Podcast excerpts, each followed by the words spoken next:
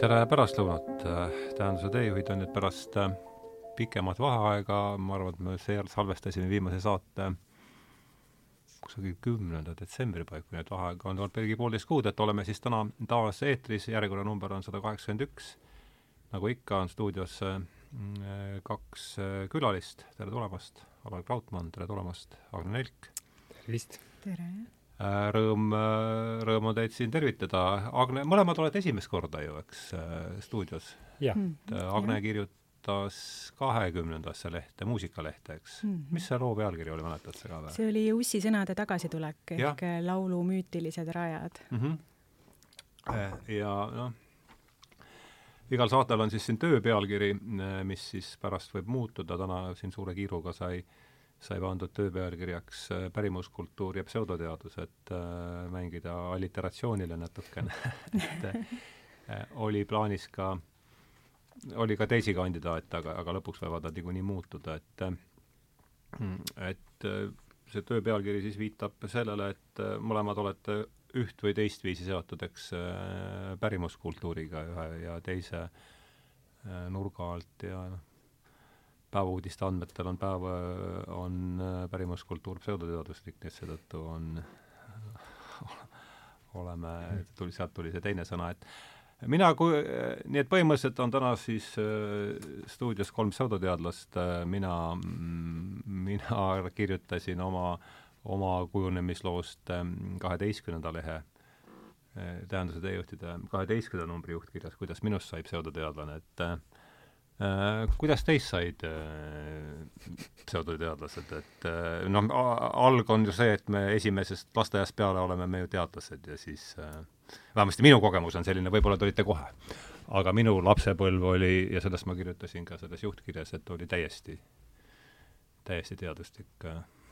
Aluvere kaheksaklassiline kool oli teaduslik, Rakvere esimene keskkool oli veel teaduslikum ja äh, ja jah, minu, minu teadus, minu teadusvundamenti lõi suure mõra tuhande üheksasaja kaheksakümne viienda aasta aprillipleenum, kus valiti Gorbatšov NRKP esimeseks rektoriks, siis selgus varsti, et marksism-leninism ja dialektiline materialism ei olegi teadus.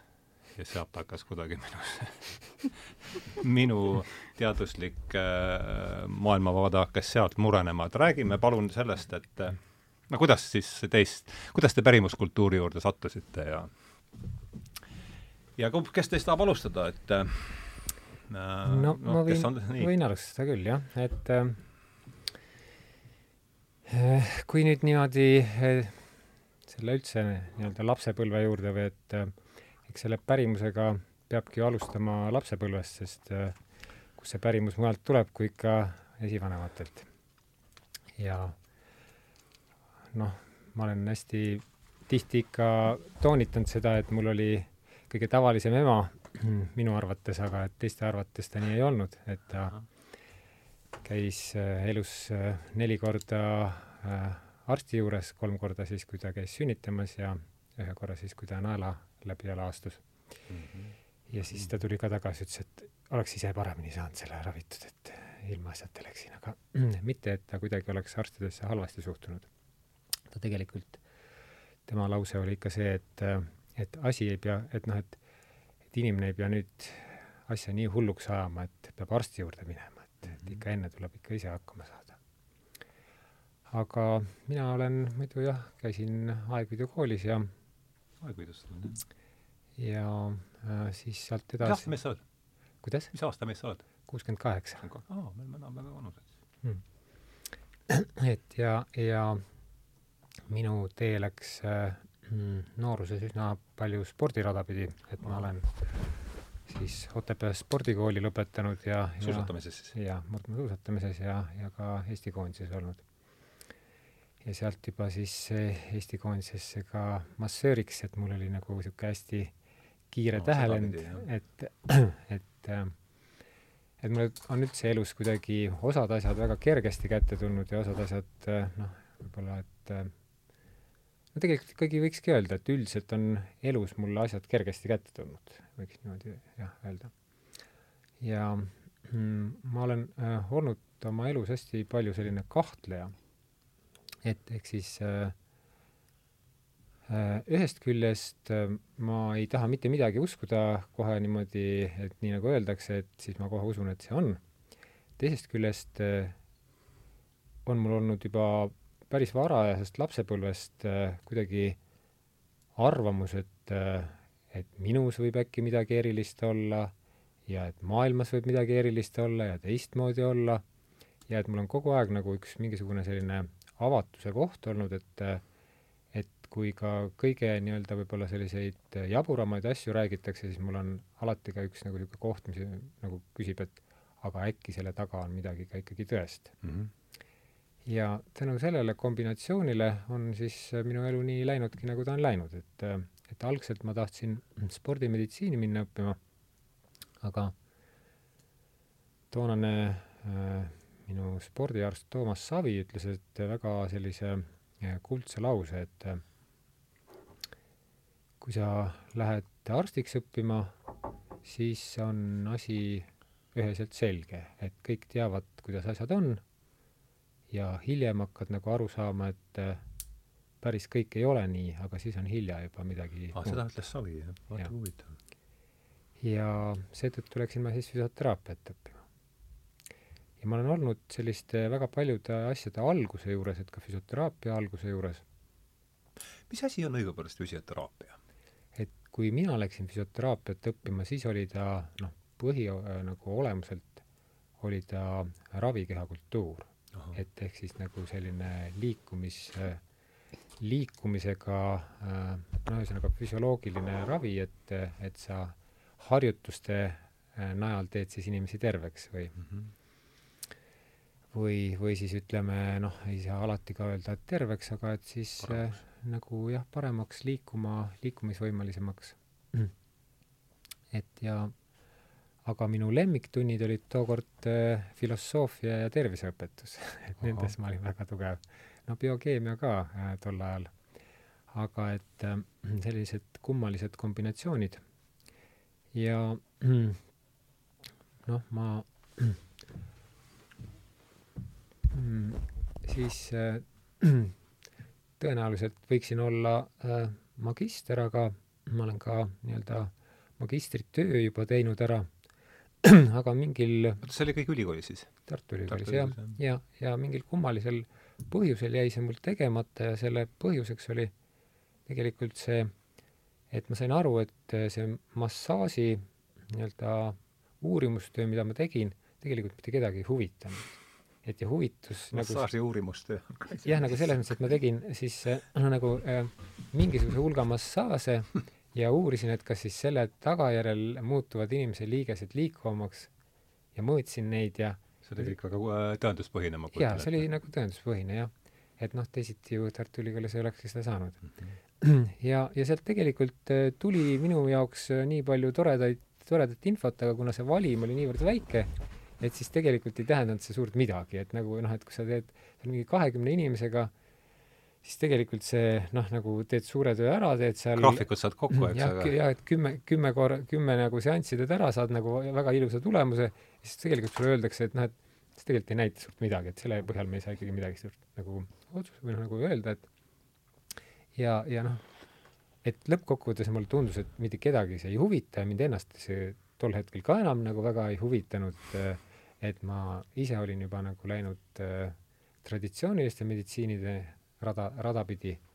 Ja noh, võikski öelda, et, et sealt mul võiks vähemalt doktorikraad olla, et, et ma olen siis ülejäänud elu tegelikult õppinud nii Hiina meditsiini, Tai meditsiini, äh, natukene seal kolm aastat äh, Jaapani, äh, siis Jatsut eelkõige, et ja, ja noh, sealt rida, ridapidi nii kaua, kui siis ühel hetkel jõudsin siis Eesti pärimusmeditsiini juurde. nii pika ringiga siis äh, üle Eesti juurde väga, jah? et ma olin kõik nii-öelda nagu põhilised ajurveedad ja kõik äh, ajurveedaga jah, tegelesin ka pikemalt.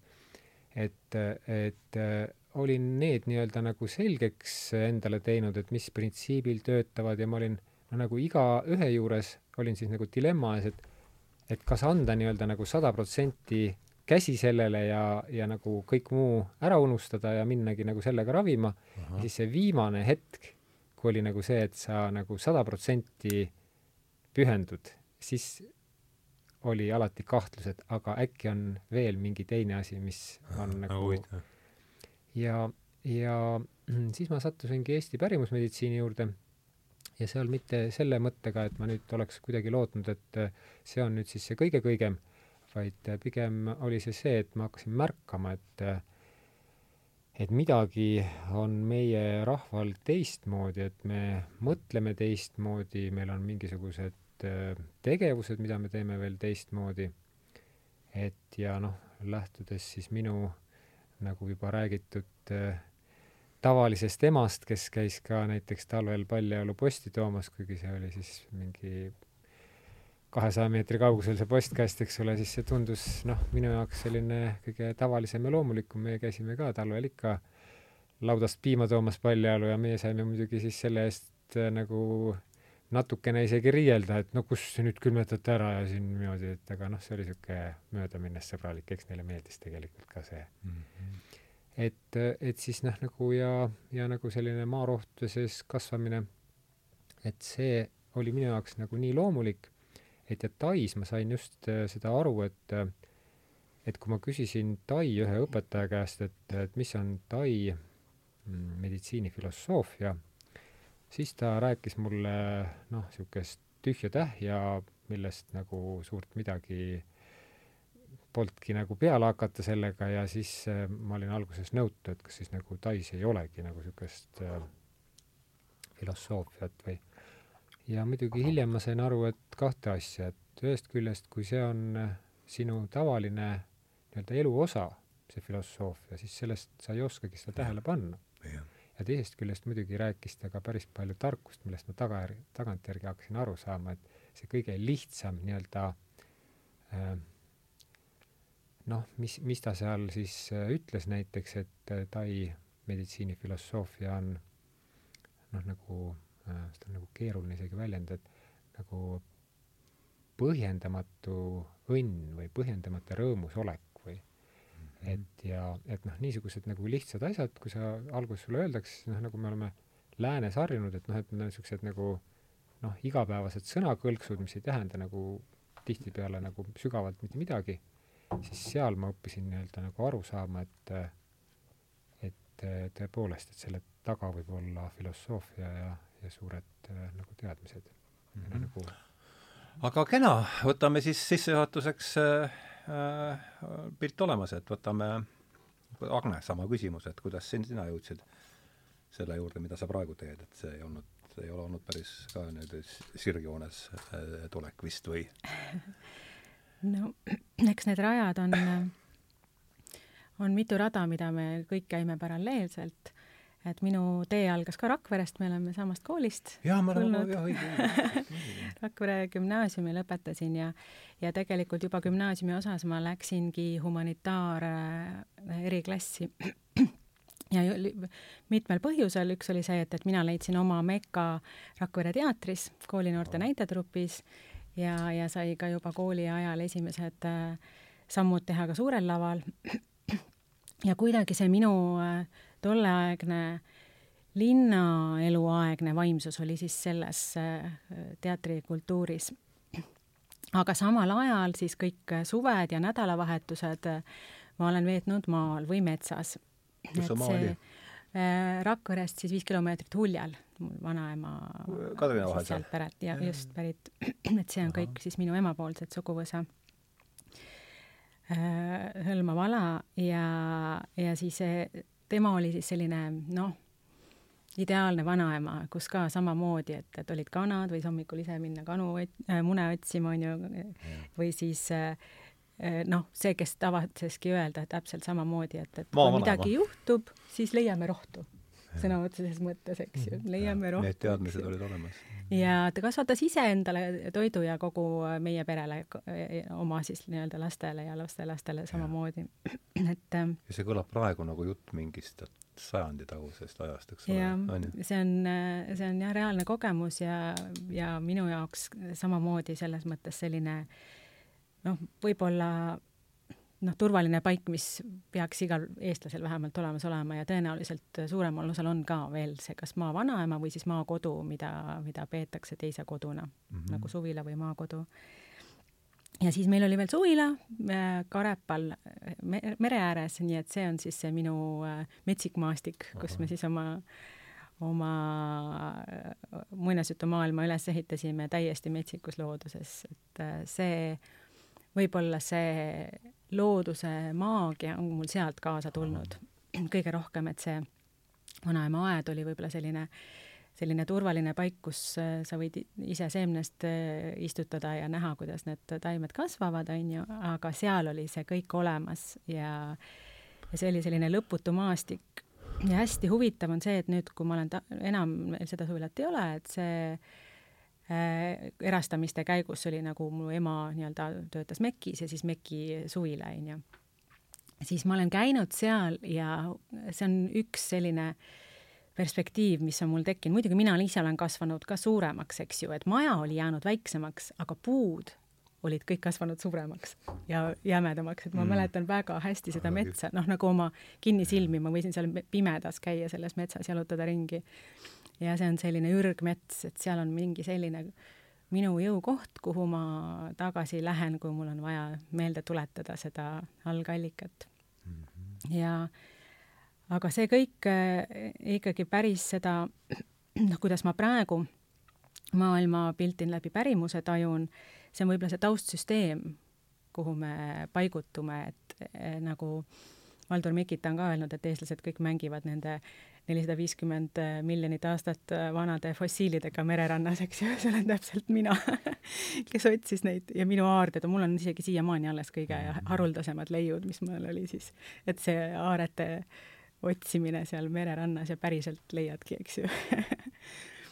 Et see on, see on see meie, see, millega me kokku puutume ja mida me ka võib-olla oskame väärtustada alles hiljem, et nüüd, kui mul on omal tütar siis ma olengi temaga teinud täitsa seda mängu, et, et aga uurime siis välja, kelle me leidsime, kes siis on see siin selle kivi sees olnud, eks ju. ja, ja siis äh, samal ajal äh, kui äh, noh, Rakvere kooli lõpetasin, et siis ma teadsin juba, et ma tahan kindlasti kas siis lavakasse või kuskile siis sellele kultuurivaldkonda edasi õppima minna ja sattusin siis äh, audiovisuaalkunstidesse Tallinna tolleaegne siis pedagoogikaülikool, aga siis, kui ma lõpetasin, oli juba Tallinna Ülikool äh, ja režiikateedrisse. nii et sealt tuleb siis minu see nii-öelda kaasaegne muinasjutuvestja läbi filmikunsti, et ähm, et heas mõttes ma tunnen, et, et see meie võib-olla üks Eesti võtmetest ongi, mida ma siis läbi enda tunnetan, on see äh, kõrgtehnoloogilised äh, metsarahvad või kõik kõrgtehnoloogilised haldjad. et meil on tõesti olemas see, see oskus siduda neid kokku omavahel ja, ja sünteesida midagi, midagi uut ja, ja üks ei ole teisega vastuolus. aga ma jõudsin jah, siis meil oli juba, oli äh, ütleme, Kalevipoeg oli kohustusliku kirjanduse hulgas ja tegime seal etüüde lava peal ja, ja ma mäletan seda isegi kooli ajal ka, et ma mäletan, kuidas äh, ma kuidagi otsisin sealt seda, seda tera või iva, aga see ei jõudnud minuni, vähemalt nende selgituste kaudu, mis siis kooli ajal meieni tuli.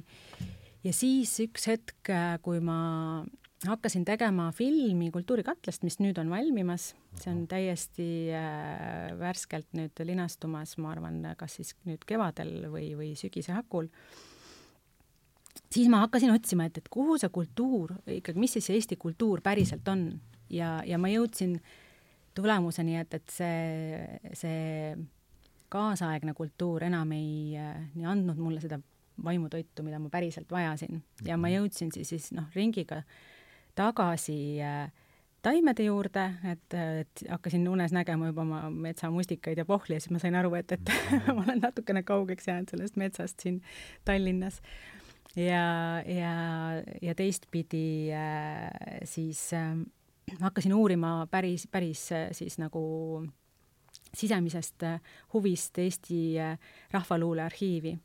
Ja, ja taimede kaudu kuidagi ta, see tuli nii taimede kaudu kui selle kaudu, et ma otsisin seda meie päris vaimsust ja, või seda, seda ja, ju hakkasin nagu juuri mm -hmm. otsima, sest ma olin piisavalt kaua vahepeal Eestist ära, iga aasta rändasin ringi viis-kuus kuud ja, ja samamoodi ütleme Kesk-Ameerikast kuni sinna Hiinani välja, eks ju, et kõiki erinevaid kultuure, sukeldusin seal Tiibeti maailma vahepeal. Ja, ja mingi sisemine kutse oli tulla tagasi siia Eestisse ja jääda nende ja otsides neid juuri meie, et selle, selle taustsüsteemi juures. Kuidagi seesama tunne, mida Alar kirjeldas ka, et, et, et mina nimetaksin seda võib-olla selliseks äh, sisemiseks saarde otsijaks, et kes teab, et seal on midagi, ja ma tean, et see nagu kohe-kohe-kohe-kohe läheb see pilt kokku mm. -hmm. ja kui üks pilt saab kokku, siis on juba, näed, et oi, siit tuleb veel suurem pilt tagant ja sealt ja kogu aeg sa, see avaneb no, nagu see, see maailm nagu noh, sõna otseses mõttes nagu võlumaailm. ja nendest regilauludest mina siis olen praegu, noh, ma veel ei ole sisse astunud doktorantuuri, aga oma magistritöö ma tegin äh, Eh, siis animafilmi keelest, eh, semiootilisest vaat-, vaatevinklist ja jõudsin järeldusele, et, et seal nagu selle nähtamatu fantaasiamaailma ja nähtava reaalse maailma vaheline piir ei ole nii jäik, kui see tundub meile, et see, siit me mhm. natuke jõuame ka selle, mis on siis, kust lõpeb luule ja kust algab fakt, eks ju. ja, mhm. Ja neid regilaule uurides, ma hakkasin neid ise ka laulma, siis ma äh, ma, mul on tunne, et äh, ma jõuan järjest ja järjest lähemale sellele äh, saladusele, mis võib-olla, võib-olla alles praegu peabki avalduma, nii nagu Tiibetis räägitakse nendest termadest, mis pandi aastal seitsesada või kaheksasada kuskile peitu sellepärast, et inimkond ei olnud veel valmis selle avaldumiseks. ja siis need on nüüd, on hakanud siis ka siin viimastel sajanditel uuesti välja tulema ja mul on tunne, et meie esivanemad on ka laulnud sinna lauludesse mingid sellised koodid sisse, mis alles nüüd pääsevad siis taas päevavalgele. Et me, noh, see on seesama meie oma salakeel, eesti keel, mida me kogu aeg räägime ja siis ikka ja jälle tuleb selliseid uusi avastusi, et selles keeles on nii palju peidus seda, mis on see meie elu filosoofia kunagi olnud. Mhm. ja ja see on siis veel sügavamalt siis nendes regilauludes, kus kus ähm, mul on tunne, et nad on isegi rääkinud ära noh, nii-öelda noh, nagu kui meie, meie loomislugu vaadata, siis see on seesama mingil hetkel, kui me neid fossiile uurisime tütrega, siis, siis see on seesama mandrite liikumine, mingil hetkel oli, eks ju, ainult vesi, siis järsku mhm. hakkasid mandrid liikuma, kerkis maapind, see on kõik lauludes sees et nemad laulsid nii, nagu nad oskasid, aga see, need ei ole vastuolus omavahel. Nad on... pidid kuidagi asja mõtestama, eks, oma, omal viisil. kust asjad ja... alguse saavad. Jah, ja see on nende mälu on niimoodi kujundi kaudu edasi antud, eks. ja mhm. see mulle andis lootust kuidagi äh, äh, siin meie kodumaal leida see mõtestatus ja see vaimsus uuesti teisel kujul enda jaoks üles. ja ma arvan, et ma olen ikka sellel teel veel, ma, see on selline jätkuv protsess, pidev mhm. loomine ahah, no aga selge, või noh, selge, et äh, mingis, nii palju kui ma nüüd eh, kuulsin, et te, te ei olegi ju nii väga erinev, et te olete, ei ole siin, ei ole läinud kohe Eesti päri-, Eesti pärimusse, vaid olete vaadanud äh, päris, päris palju mõlemal äh, maailmas ringi, et et kus sul, Alar, oli see esimene äh, noh, sa rääkisid, et Ajurveeda, Tai, kõik äh,, Lõuna-Ameerika ka või? Lõuna-Ameerika mitte. aga et kus sa, kus sa esimest korda tundsid, et see noh, minul on vähemasti nii, et ikka, kui, kui mingi uus suund tuleb, siis kõigepealt on ikka, järsku tuleb mingi tõmme kuskilt, et mingi märk, tavaliselt see tuleb mingi märgina või või millenegi, mis, mis, mis mm -hmm. puudutab. Mul on nii hea meel, et sa see, selle, selle kaudu nii-öelda nagu lähened, et äh, jah, ma olen ka selle äh,, mulle meeldis ka äh, väga, kuidas Agne ütles, see sisemine aardeotsija, see ja, oli nii ilus, ilus äh, kujund või niisugune, et äh, minu puhul oli see äh, tõepoolest üsna äh, tore juhtum ja tai teema on mul nagu selles mõttes ohtlik teema, et sinna ma võin väga pikaks kinni jääda no see on sulle küll südamelähedane, jah? see on olnud mu jaoks väga nagu tugevasti muutev mind, et, et see nagu tai kultuurist arusaamine ja, ja tailaste kuidagi seda hingeelu ma hakkasin nagu väga sügavalt äh, taipama. ja seal oli, oli siis tõesti selliseid juhtumisi üsna palju. Ja mõnes mõttes hakkas see pihta sellest, et, et seal oli üks mm, stupa, ehk siis see on siis selline, kus kloostri moodi või? ta on jah, ise, iseenesest nagu niisugune tempel, et kus siis on noh, väidetavasti äh, mingid äh, kas äh, mingid säilmed, pühad säilmed, et ja, ja et siis äh, kõik noh, miljonid ja miljonid turistid käivad seal kogu aeg ja, ja teevad mingisuguseid asju, mida öeldakse, et tuleb teha mina jällegi siis äh, keeldusin tegemast, ütlesin, et ma tahan teada, et äh, mida ma teen ja miks ma teen mm. -hmm. ja siis, äh, kuna ei olnud nagu konkreetselt kedagi, kes seal nagu oleks sellele vastanud, siis ma vaatasingi, et et üks kena tailanna parasjagu tegi niimoodi eriti pühendunult seal oma rituaale ja siis ootasin ära, kuni ta lõpetas. Ja siis äh, läksin ja küsisin, et et kas sa võid mulle seletada, et mida sa teed ja miks sa teed mm. -hmm. ja ta sõnagi lausumata võttis mul käest kinni, viis äh, äh, Inglise keeles sai nii palju aru siis? jaa, inglise keeles nad räägivad seal hästi. ja et, et ta viis siis äh, oma pere juurde äh,, näitas, et näed, siin on mu mees, siin on mu isa-ema, ma ehmatasin alguses kohe ära, et oota, mis see nüüd siin tähendab. Ja siis ta ütles, et nii, et, et ja, et äh, oodake, et mul on selle noormehega üks asi ajada läks, seletas mulle üksipulgi ära, kuidas kõik käib, mida tuleb soovida, mis, mille pärast. tegin niimoodi natuke pahviks lööduna nagu isegi, et noh, et ühel hetkel ta kõik seletas niimoodi, oli üli nagu niisugune meeldiv ja siis oli ta kadunud, ta ütles, et nii, jätka nüüd edasi, oli oma pere juures seal tagasi ja ja ma nagu, nagu ei osanudki nagu mis ma nagu ta näitas sulle selle kombestiku ette? jaa, jaa mm, -hmm. et, et ja noh, nagu just see, et ta seletas nagu seda, et, et mis, mis ja kuidas. see on budistlik siis? see oli budistlik mm, -hmm. jah. ja, ja siis äh, ma siis niimoodi nagu natukene isegi automaatselt lihtsalt nagu hakkasin seda tegema kõike ja pärast tõepoolest, et, et need igal ringil oli siis nagu üks soov, et ja, ja ma siis soovisin ja kõik need soovid hakkasid nagu nii kiiresti täide minema ja üks nendest soovidest oli siis ka, et ma soovin nii-öelda Tai äh, nagu kultuurist ja inimestest aru saada. ja sealt hakkas nagu pöörase kiirusega juhtuma selliseid asju, mida nagu tõesti on nagu väga keeruline nagu öelda, et see oleks võimalik nagu lihtsalt, et see on juhuste kokkulangevus mm. -hmm. et ehk siis nagu sealt aga see on ainus aktsepteeritav äh, siis äh, selgitus selles äh, päevauudiste andmetel mm. -hmm et ja, ja noh, tollest ma võiks rääkida pikemalt, aga ma ei räägi siis, et aga ma räägin siis sellest juhtumist, et üks nendest oli siis see, et me läksime külastama äh, Tai äh, nõida. Mm.. et me olime siis äh,, ma olin seal nii-öelda Tai massaaži õpetajate koolitusel ja siis seal oli rahvusvaheline seltskond, et ja, ja siis äh, läksime siis kohalikku nõida vaatama mägedesse ja siis äh, seal jällegi üks naine hakkas naerma, ütles, et mis nõid, et kaua te siia tulite, et mis te arvate, kaua siia tuleb kiirabi? see oli noh, mäe otsa ikka sinna noh, pool päeva ronisid. et ja siis ütleski, et noh, see oli väike niisugune küla ja et, et keegi peab ju seda tööd siin tegema, et kui keegi haigeks jääb või keegi ta hakkab sünnitama või et siis noh, midagi on vaja ju teha et nagu enne, kui kiirabi jõuab. tervendaja siis, eks ole, teist. et jah, ühesõnaga nagu niisugune noh, tema väitis, et noh, ta on nagu niisugune nagu medõde, see kohalik, on ju. aga teised ümberringi ütlesid, ei, ei, tal on ikka võimed ja et noh, tema ütles, et tal ema tegi seda ja et nüüd teeb tema.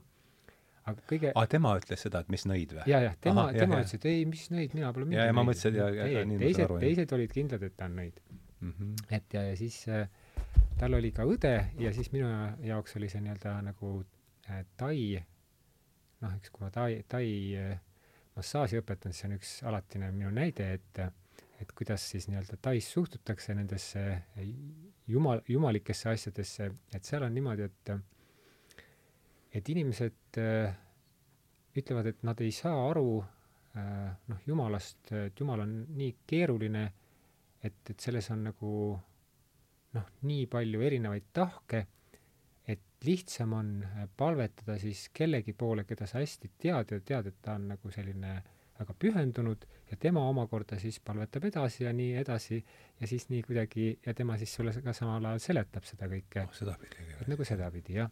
et ja et siis ja tema oli siis ise budist, aga seal on ka äh, väike suhteliselt osa kristlasi et ja noh, seal on nagu kõik pea peale pööratud, et noh, kristlaseks tihti lähevad ka prostituudid nagu, et noh, seal on võimalik jälle andeks saada kõik. aga et, et, et siis budism seal tegelikult ei olegi nii väga pehme ja leebe, et ta on ka nii nagu tihtipeale, kui ta on nagu ühe riigi selline ametlik mm -hmm, religioon, et siis ta on ka nii-öelda kontrolli, kontrollimehhanism natukene mm -hmm. ja selline noh, nagu komblusmehhanism on sinna juurde poogitud.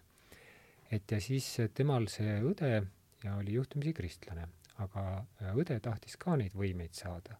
ja siis see kristlasest õde õde siis lihanõde või äh, jah, päris jah, lihanõde. et ja siis see, see õde, kes oli kristlane, palvetas siis oma budistist õe poole, et saada ka võimeid. et see on nagu selline kultuuride või ja, nagu religioonide ja kuidas tal läks selle valvega? Ta ütles, et ta aeg-ajalt ta nagu midagi ikkagi tunneb ja saab nagu uh -huh. jah, et, et nagu selles mõttes oli see nagu väga, väga huvitav noh, näide üldse nagu selles mõttes, et kuidas Tais võivad need asjad toimida. Mhm. -huh. aga et äh, seal oli siis just see hetk, kus, äh, kus me rääkisimegi sellest, et kuidas mingi, kuida-, noh, et nagu sellest läks selle nõidumiste ja, ja üldse sellise tavalise ravitsemise peale ja et et ja et kuidas siis keegi, keegi midagi ravib ja, ja noh, mina rääkisin siis nagu meie Eesti tavalisi lugust, et noh, et Tärpentini salvi pandi ikka, noh, ema pani mulle padja peale ja, ja et noh, sellised tavalised maarohud olid ja, ja viinasokke tehti palaviku korral ja ja siis nad muidugi naersid kõht kõveras, et, et, et, et noh, et ei ole võimalik, et nagu niisugune aborigeenriik on Euroopas olemas, onju. et ja siis ma hiinasokki teie leidnud. ja, ja siis, siis ma hakkasin tõesti mõtlema, et kas me tõesti oleme siis nii erinevad. ja siis nagu ma sealt tagasi tulin, siis ma tegin äh, Mohni saarel, kutsusin kokku siis äh, need inimesed, kes mulle tundusid, et nagu võiksid nagu sellest äh, pärimusmeditsiinist midagi arvata või üldse nagu pärimusest, kutsusin kokku ah, seda otsi käis. tegime Mohni saarel siis esimese sellise mis aasta see oli äh,? umbes? nii, see oli siis äh,, peaks olema nüüd kaks tuhat kuus. Mhm.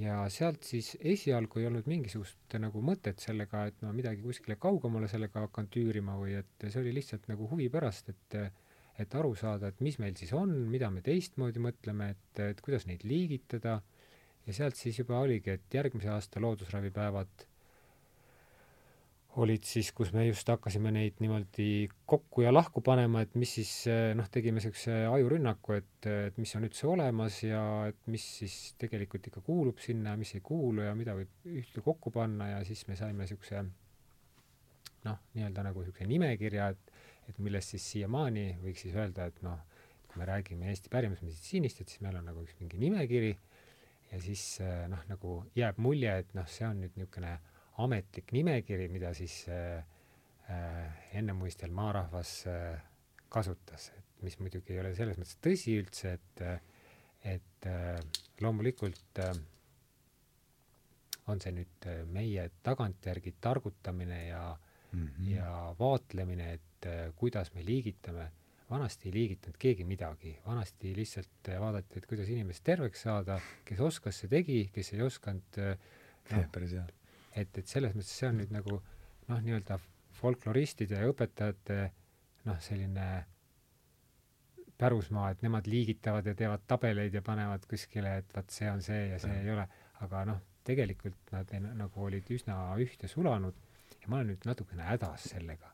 et hästi tihti on see, et äh, lähed jälle kuskile kas saatesse või keegi ajakirjast, see on tüüpiline see, et viis, viis äh, ravimtaime, et millega saab ravida äh, kolm nippi, mida saunas peaks kindlasti teadma. et nagu ma olen nagu natuke sellest tüdinud, et nagu noh, et, et see on nagu see, et autoparandajalt küsitakse, et kuidas auto, seda jalgratta kummi täis pumbata, et nagu, et noh, et see nagu ei noh, ei ole nagu see, millest tahaks nagu päriselt rääkida mm. -hmm. et mulle selles mõttes nagu väga see tähenduse teejuht kuidagi köitis, et mm. et just jah, et see on nagu see, mida tahaks nagu rääkida võib-olla, et mis selle tähendus on mm. -hmm. aga ta, see magnet ka vahepeal mm, -hmm. et sama, ta tuleb sulle, no sa rääkisid ära, et see tuli siis, eks ole äh,, läbi teatri ja ja, ja taimede ja, ja siis selle Eesti Rahvaluule arhiivi, aga et kas sa mäletad, on sul, tuleb mingi sarnane niisugune lugu, mis sind tõmb-, niisugune mingi märk, mis hakkas tõmbama? no selles mõttes mul tuli kohe meelde, no see on nagu sarna-, mul on selles mõttes ka sarnane lugu, et et ma ikkagi pidin ka käima ära seal äh, Himaalajates vahepeal, et siis näha seda, mis meil siin on mm -hmm. teise perspektiivi alt ja, ja. seesama aeg oli kui ma elasin koos ühe äh, hollandlasega mm -hmm. ja siis äh, seal samamoodi temaga koos me siis rändasimegi seal seal Aasias ja, ja see teadvus, mis siis noh, et ma taip-, saingi aru, et, et minul on mingisugused baasteadmised, kasvõi see, et, et tahame teed teha, teeme vett ja korjasin piparmünti lihtsalt lõhna järgi sealsamas Tiibeti mägedes, see oli minu jaoks nii loomulik, jah. seal kasvas ka, jah? absoluutselt uh. -huh. ma ei, noh, et ma ei muretse selle pärast, et teed ei ole, et ma lähen ja korjan neid taimi, mis siis, millega saab siis teed teha, onju. ja ma ei, ei karda, et see on mürgine, sellepärast et ma tunnen ära aga see, seal oli juba teistmoodi see suhtumine, eks Lääne-Euroopas? absoluutselt. ja nemad ikkagi kadakamarju ka ei julgenud süüa alguses, kui ma ütlesin, et, et see on täiesti, täiesti väga-väga hea mari ja sellest tehakse kinni isegi, onju mustikas läks loosi ikka või? mustikat tuntakse ikka veel ära, aga, aga samamoodi neid ei noh, nagu ei tulda selle peale, et, et, et see võiks nagu võiks saada. metsa minna, et ikkagi, ikkagi ostetakse, onju mhm. ja, ja siis äh, kuidagi mina siis olingi seal nagu selles kogukonnas nagu siis äh, see noh, nemad olid kõik lugenud seda Vladimir Meegri Anastasiat, kelleni ka mina jõudsin läbi nende ja siis nad kõik ütlesid, kuidas sa tead. Seda, seda ma ei tea. see Anastasia raamatute sari, et on Siberis on mingi, eks ju, elab seal seedrimetsade vahel üks naine, kes siis äh, on äh, nii-öelda ka suudab äh, loomade ja metsaga niimoodi suhelda, et, et seal vabalt Aha. ära elada, ilma et peaks tema, tema noh, televiisorit ei pea vaatama, ta vaatab oma valguskiirekesega, mis kuskil toimub ja tunnetab ära, onju. aga noh, see on ka selline noh, nagu müü-, müütiline tegelane, et, et me ei tea, kas ta päriselt on olemas, aga ta on kirjutatud justkui nagu ta oleks päriselt olemas, eks ju mm. -hmm. aga nemad siis vaatasidki mind, et kas sa päriselt ja noh, mina vaatasin seal purgi sees müüdi kapslites šaga äh, kakskümmend viis eurot, onju. mina ütlesin, et oi, aga lähen metsa, ma võin teile korjata seda, onju, et ma olen seda lapsepõlvest peale isaga metsas korjanud. see on must pässik meiega, see peal kasvav raviseen. ja, ja noh, samamoodi need läikvaabikud ja muud puuseened ka, et minu jaoks need olid nagu tuttavad, nemad mingi kuskilt Hiinast, eks ju, tellisid siis äh, äh, kalli hinna eest, onju, või kuskilt Venemaalt tuli see šaga vist mm. -hmm. ja siis noh, minu jaoks oli see, siis ma sain nagu ka aru, et, et minus on mingid teadmised, mida mina pean iseenesestmõistetavaks, aga mida teised peavad eriliseks. tänu sellele, et su lapsepõlv oli jah, minu, minu isa varustas apteeke ravimtaimedega, onju, et temaga mm -hmm. täitsa kohe käisime metsas korjamas ja kõik äh,, kuidas prepareerida, kuidas kuivatada õigesti, et, et see tuli minul nii, mina olin siis nagu tema nii-öelda see äh, väike abiline, on ju, kellega ta siis käis ja ja täpselt niimoodi nagu noh, ma nüüd praegu vaatan, et mul oma tütar ka, et tema ega noh, tõenäoliselt samamoodi ta ei mäleta, kuidas ta sai teada, milline on raudrohi, ega ma ka ei mäleta, mis hetkel ma teadvustasin, et see on nüüd Pärna õis või mhm. et need on noh, sellised asjad, mis tulevadki kaasa lapsepõlvest, eks ju, et see on juba kaasa antud. aga seal Tiibetis mm -hmm. see lugu äh, oligi äh, see oli siis kaks tuhat kaheksa, kui olid Pekingi olümpiamängud.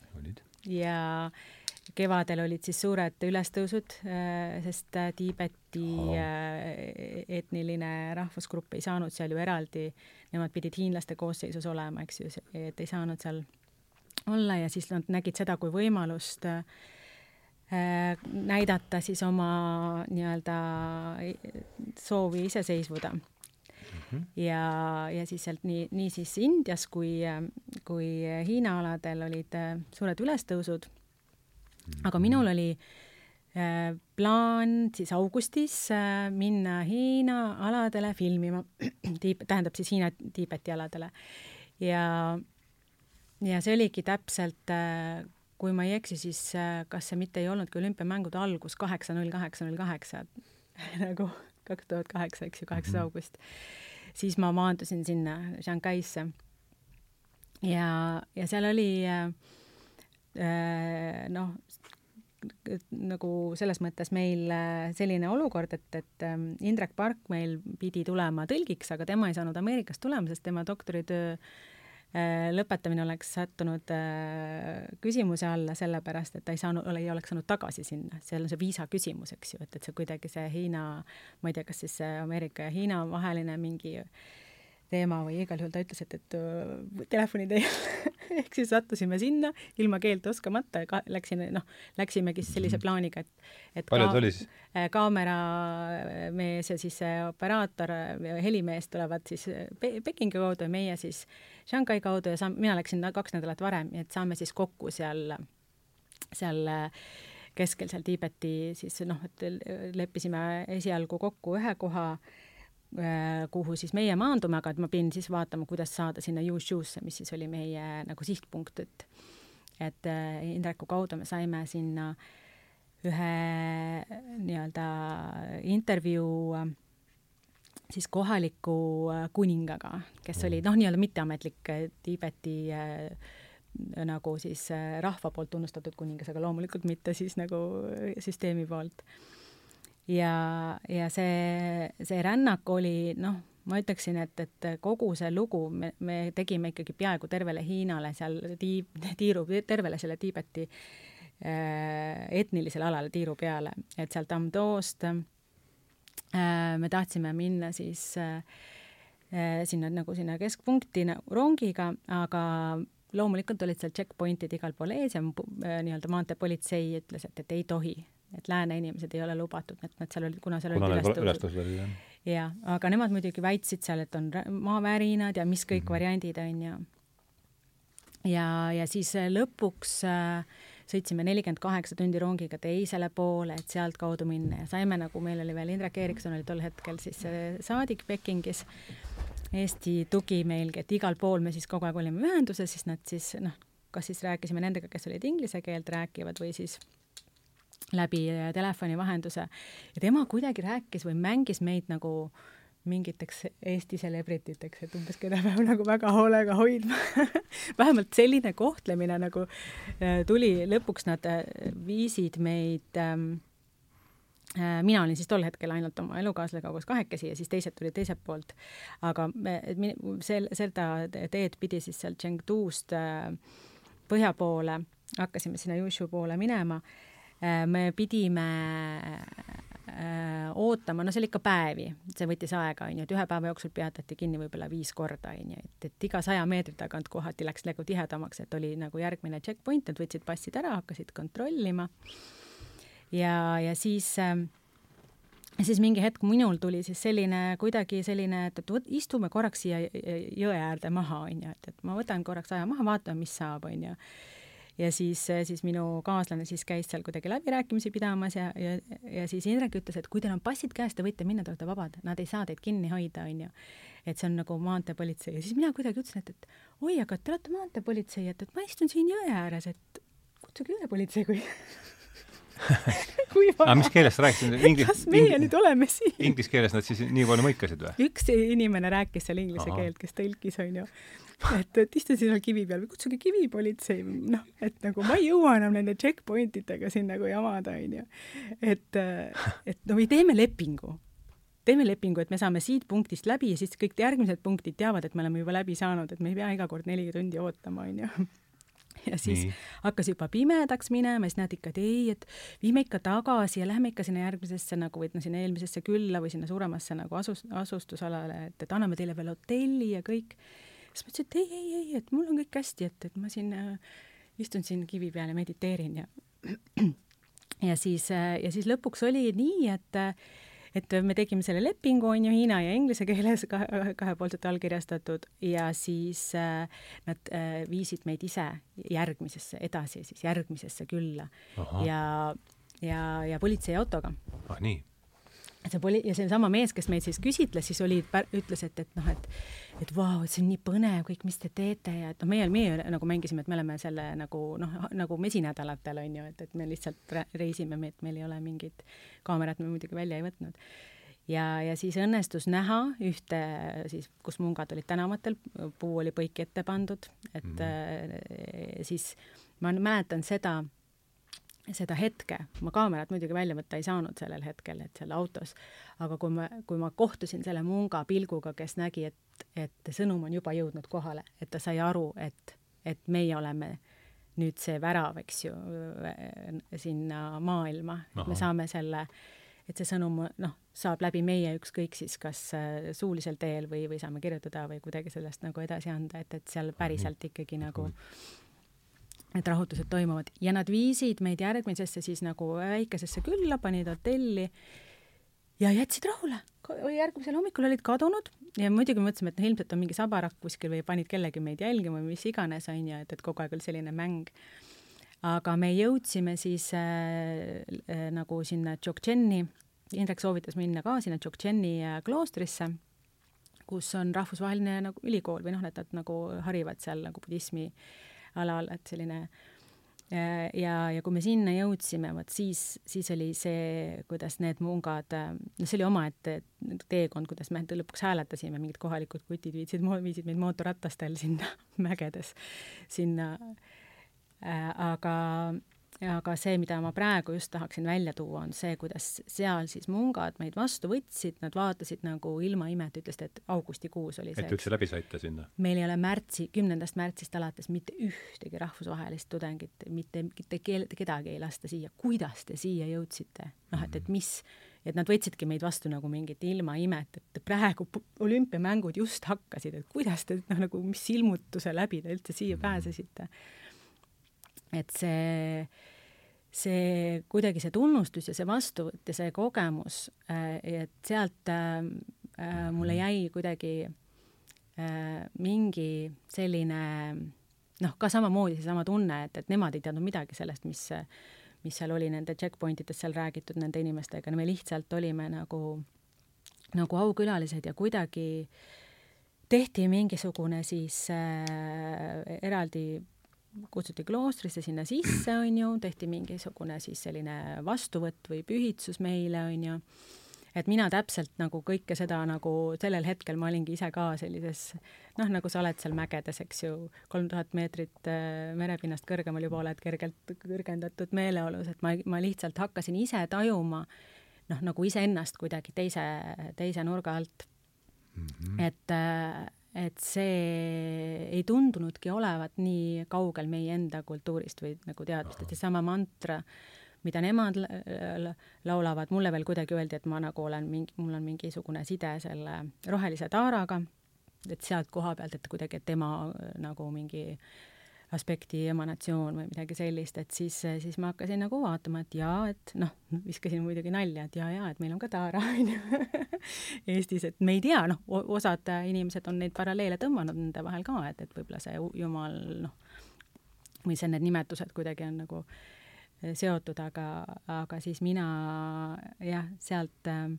tagasi, tulin Eestisse tagasi ja siis äh, jällegi juhuste kokkusattumuse tulemusena minu onu äh, äh, oli võtnud ühendust, et äh, tuleks lapselapsed appi äh, minu siis isa lapsepõlvekodu maad äh, piiriprotokolli kirjutama või erastama, on ju, et alla kirjutama.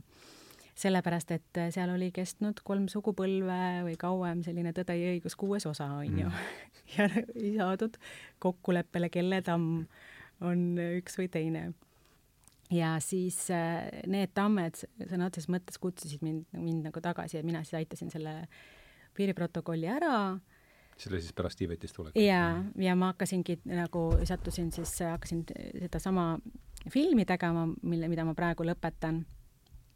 ja need kuidagi mõlemad viisid kokku sellele, sellele nagu ühendusele siis maaga, et ma pean noh, enda juured ikkagi siia äh, maha ajama et ma võin küll tirutada ja otsida seda enda olemust üle kogu maailma, aga, aga minu kuidagi hing või keha on kuidagi selle maaga ikkagi nii tihedalt seotud, et see, see kutsub lausa nagu ühenduma tagasi siia. Ja see, need tammed siis noh, tõid mind nagu siia Eestisse tagasi nii, et, et ma jäin. Ja praegu see, see ähm, kuidagi see regilaulude lugu äh, võib-olla või tänu, ma arvan, et tänu sellele Tiibeti kogemusele on mulle hakanud avama siin noh, teatud äh, sümboloogiat, mis, äh, mis on seisundipõhine, et need ja need avanevad teatud paikades, noh, kas või kõige lihtsam näide on taevaskoda, on ju, taevaskoda. taeva eeskoda ja meil on olemas selline laul, regilaulu tüüp, mida just seal, eriti Setumaal on päris palju neid, nagu näiteks Imeline koda. et ku-, kuidas minnakse metsa ja siis sööd sa seal siis mingit marjakest või tuleb linnukene mingisugusel kurval hetkel, noh, tihti on hästi palju neid seotud ka sellise kas vaeslapse lugu või kellelgi on midagi juhtunud ja ta otsib sellele lahendust ja siis ta jõuab sellisesse müstilisse salapärasesse kohta, kus siis talle antakse kas siis vastuseid või toimub mingisugune ime tema silme ees. noh, natukene nagu see minu see budismi eh, klooster, kuhu ma sattusin, et, et selline ja siis tehakse sinule nagu mingi äh, austusväärne söök või, või mingi pidu, piduõhtu mm. -hmm. et äh, see mulle tundub, et on äh,, on äh, noh, seesama õpetus, et tegelikult me ei pea kuskile minema, meil on siinsamas kõik need asjad olemas aga jah, tavapärast on ikka nii, et kusagilt, et just seesama ikkagi väljastpoolt nurk, et seal oma asjale vaadata ja sul oli siis Tiibetis see ja sul pigem Tais, ma saan aru. jah, et eks äh, neid ole olnud äh, palju teisi kohti ka, aga Tai, Tai oli nagu kahtlemata kõige aga ma tahaks nüüd tagasi tulla selle juurde, et sa ütlesid, et need, need standardküsimused, mis sulle küsi-, mis küsitakse seal kolm nippi, mida saunas teha ja aga et kuidas sa ise ongi järgmine, et kuidas sa ise tahaksid rääkida sellest äh, mm, -hmm. mida sa teed ja, ja mida sa pead oluliseks selles oma tegevuses? et äh, ma jah, kui ma tahaks äh, pärimusmeditsiinist rääkida või, või maarahva meditsiinist, et siis äh, võib-olla minu esimene no nagu selline arusaam sellest on see, et, äh, et see on ennetusmeditsiin et äh, ja, ja ma olen naljatamisi öelnud ikka, et kui, kui äh, peaks äh, ütlema, et mis on Eesti pärimusmeditsiini filosoofia selline alustala, et, et siis jah, naljatamisi ütlen ma selle kohta, et see on mõnu mm. -hmm. ja, ja see tundub jah, nagu, nagu peaaegu samamoodi, et, et jaanalind on Eesti rahvuslind noh, nagu meie inimesed on ju nii palju nagu harjunud nagu seostama seda, et kui on noh, mingisugune religioon või et nagu, et siis see mõnu, see tundub nagu niisugune kerglane, labane, et see nagu ei käiks kuidagi üldse sinna juurde. aga et, et selles mõnus on üks äh, väga oluline komponent ja see on just see, et et nii-öelda see mm, pärimuses maa, või täpsemalt jah, maakeeles siis öeldakse kurgemise mõnu. ehk see kurgemise, ehk siis see tähendab, noh, praegu öeldakse selle asemel kulgemine, aga et siis oli maakeeles on ta kurgemine, see kurgemise mõnu. Mm., et äh, see on hea kandidaat mm, pealkirjaks. Äh, et kui nüüd äh, ükskõik, mida sa teed ja sa mõtled selle peale, et selle asja sees oleks mõnu, mida sa teed, et siis hakkab asi edenema, siis tuleb sellest äh, midagi head ja mis on nüüd selle taga nii-öelda võib-olla see kõige suurem asi on siis see, et et kõike tehti äh, selle mõttega, et homme oleks parem kui täna mm. -hmm. noh, sa võid seda ükskõik millist asja, et äh, kas ma teen seda praegust intervjuud või ma pühin põrandat või mm, -hmm. või äh, söön või, või noh, mida iganes ma ka ei teeks, et ma saan iga selle asja juurde panna selle mõtte et ma teen seda selliselt, et homme oleks parem kui täna aga see on ka mingi niisugune üleüldine palveprintsiip ju võib-olla, eks, eks ole? jaa, et tegelikult on, see, kindlasti on ta selline nagu noh, tõenäoliselt selline mitte ainult meie rahvale omane, vaid kindlasti väga Jah. paljudele, aga et just noh, nagu see maarahva käitumine, tegutsemine, olemine tuli just hästi ka palju nagu selle kaudu välja. Mhm. Ja sealt tuli just siis ka see jah, et, et sul peab olema mõnus ja et kui sa tunned, et sul ei ole mõnus, siis eh, noh, pigem noh, öeldi, et pane siis eh, kõrvale ja tee, tee siis mingeid muid asju või, või siis leia selle asja mõnu ja noh, maarahvas eh, noh, paraku nüüd siin, siin ongi nagu üks asi, millest peab, millest ei saa üle ega ümber kuidagi, kui maarahva nii-öelda meditsiinist rääkida või üldse ja, nagu kommetest või tavadest, et siis äh, see, kui me räägime maarahvast, siis me saame rääkida siin tuhat kakssada, tuhat kolmsada, võib-olla kuni tuhat viissada, siit edasi, noh. enne reformatsiooni.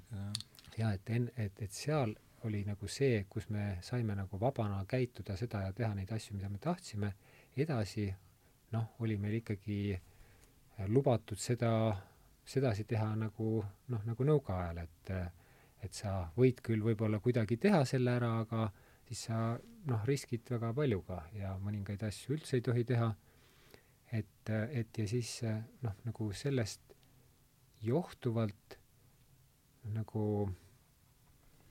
mm, on, on meil nagu väga paljud, paljud asjad, mida, mida meil praegu öeldakse, et, et see on justkui maarahva olemus või tema käitumisviis, et siis äh, ta ei pruugi seda olla, ta võis olla nagu peale surutud.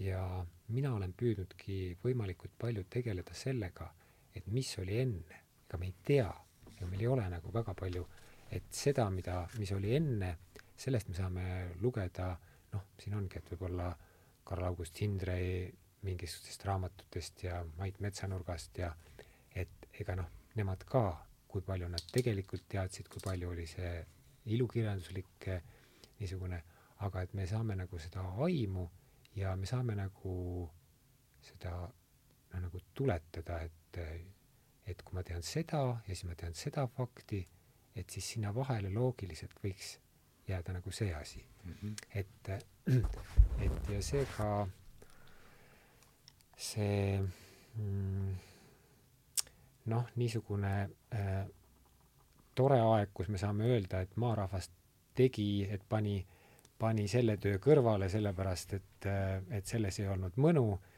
noh, see jäi ikka üsna nagu varasesse aega, et, et, et viimasel ajal tuli lihtsalt asjad ära teha, aga teisalt on ka minu üks äh, šamanistlik õpetaja öelnud, et äh,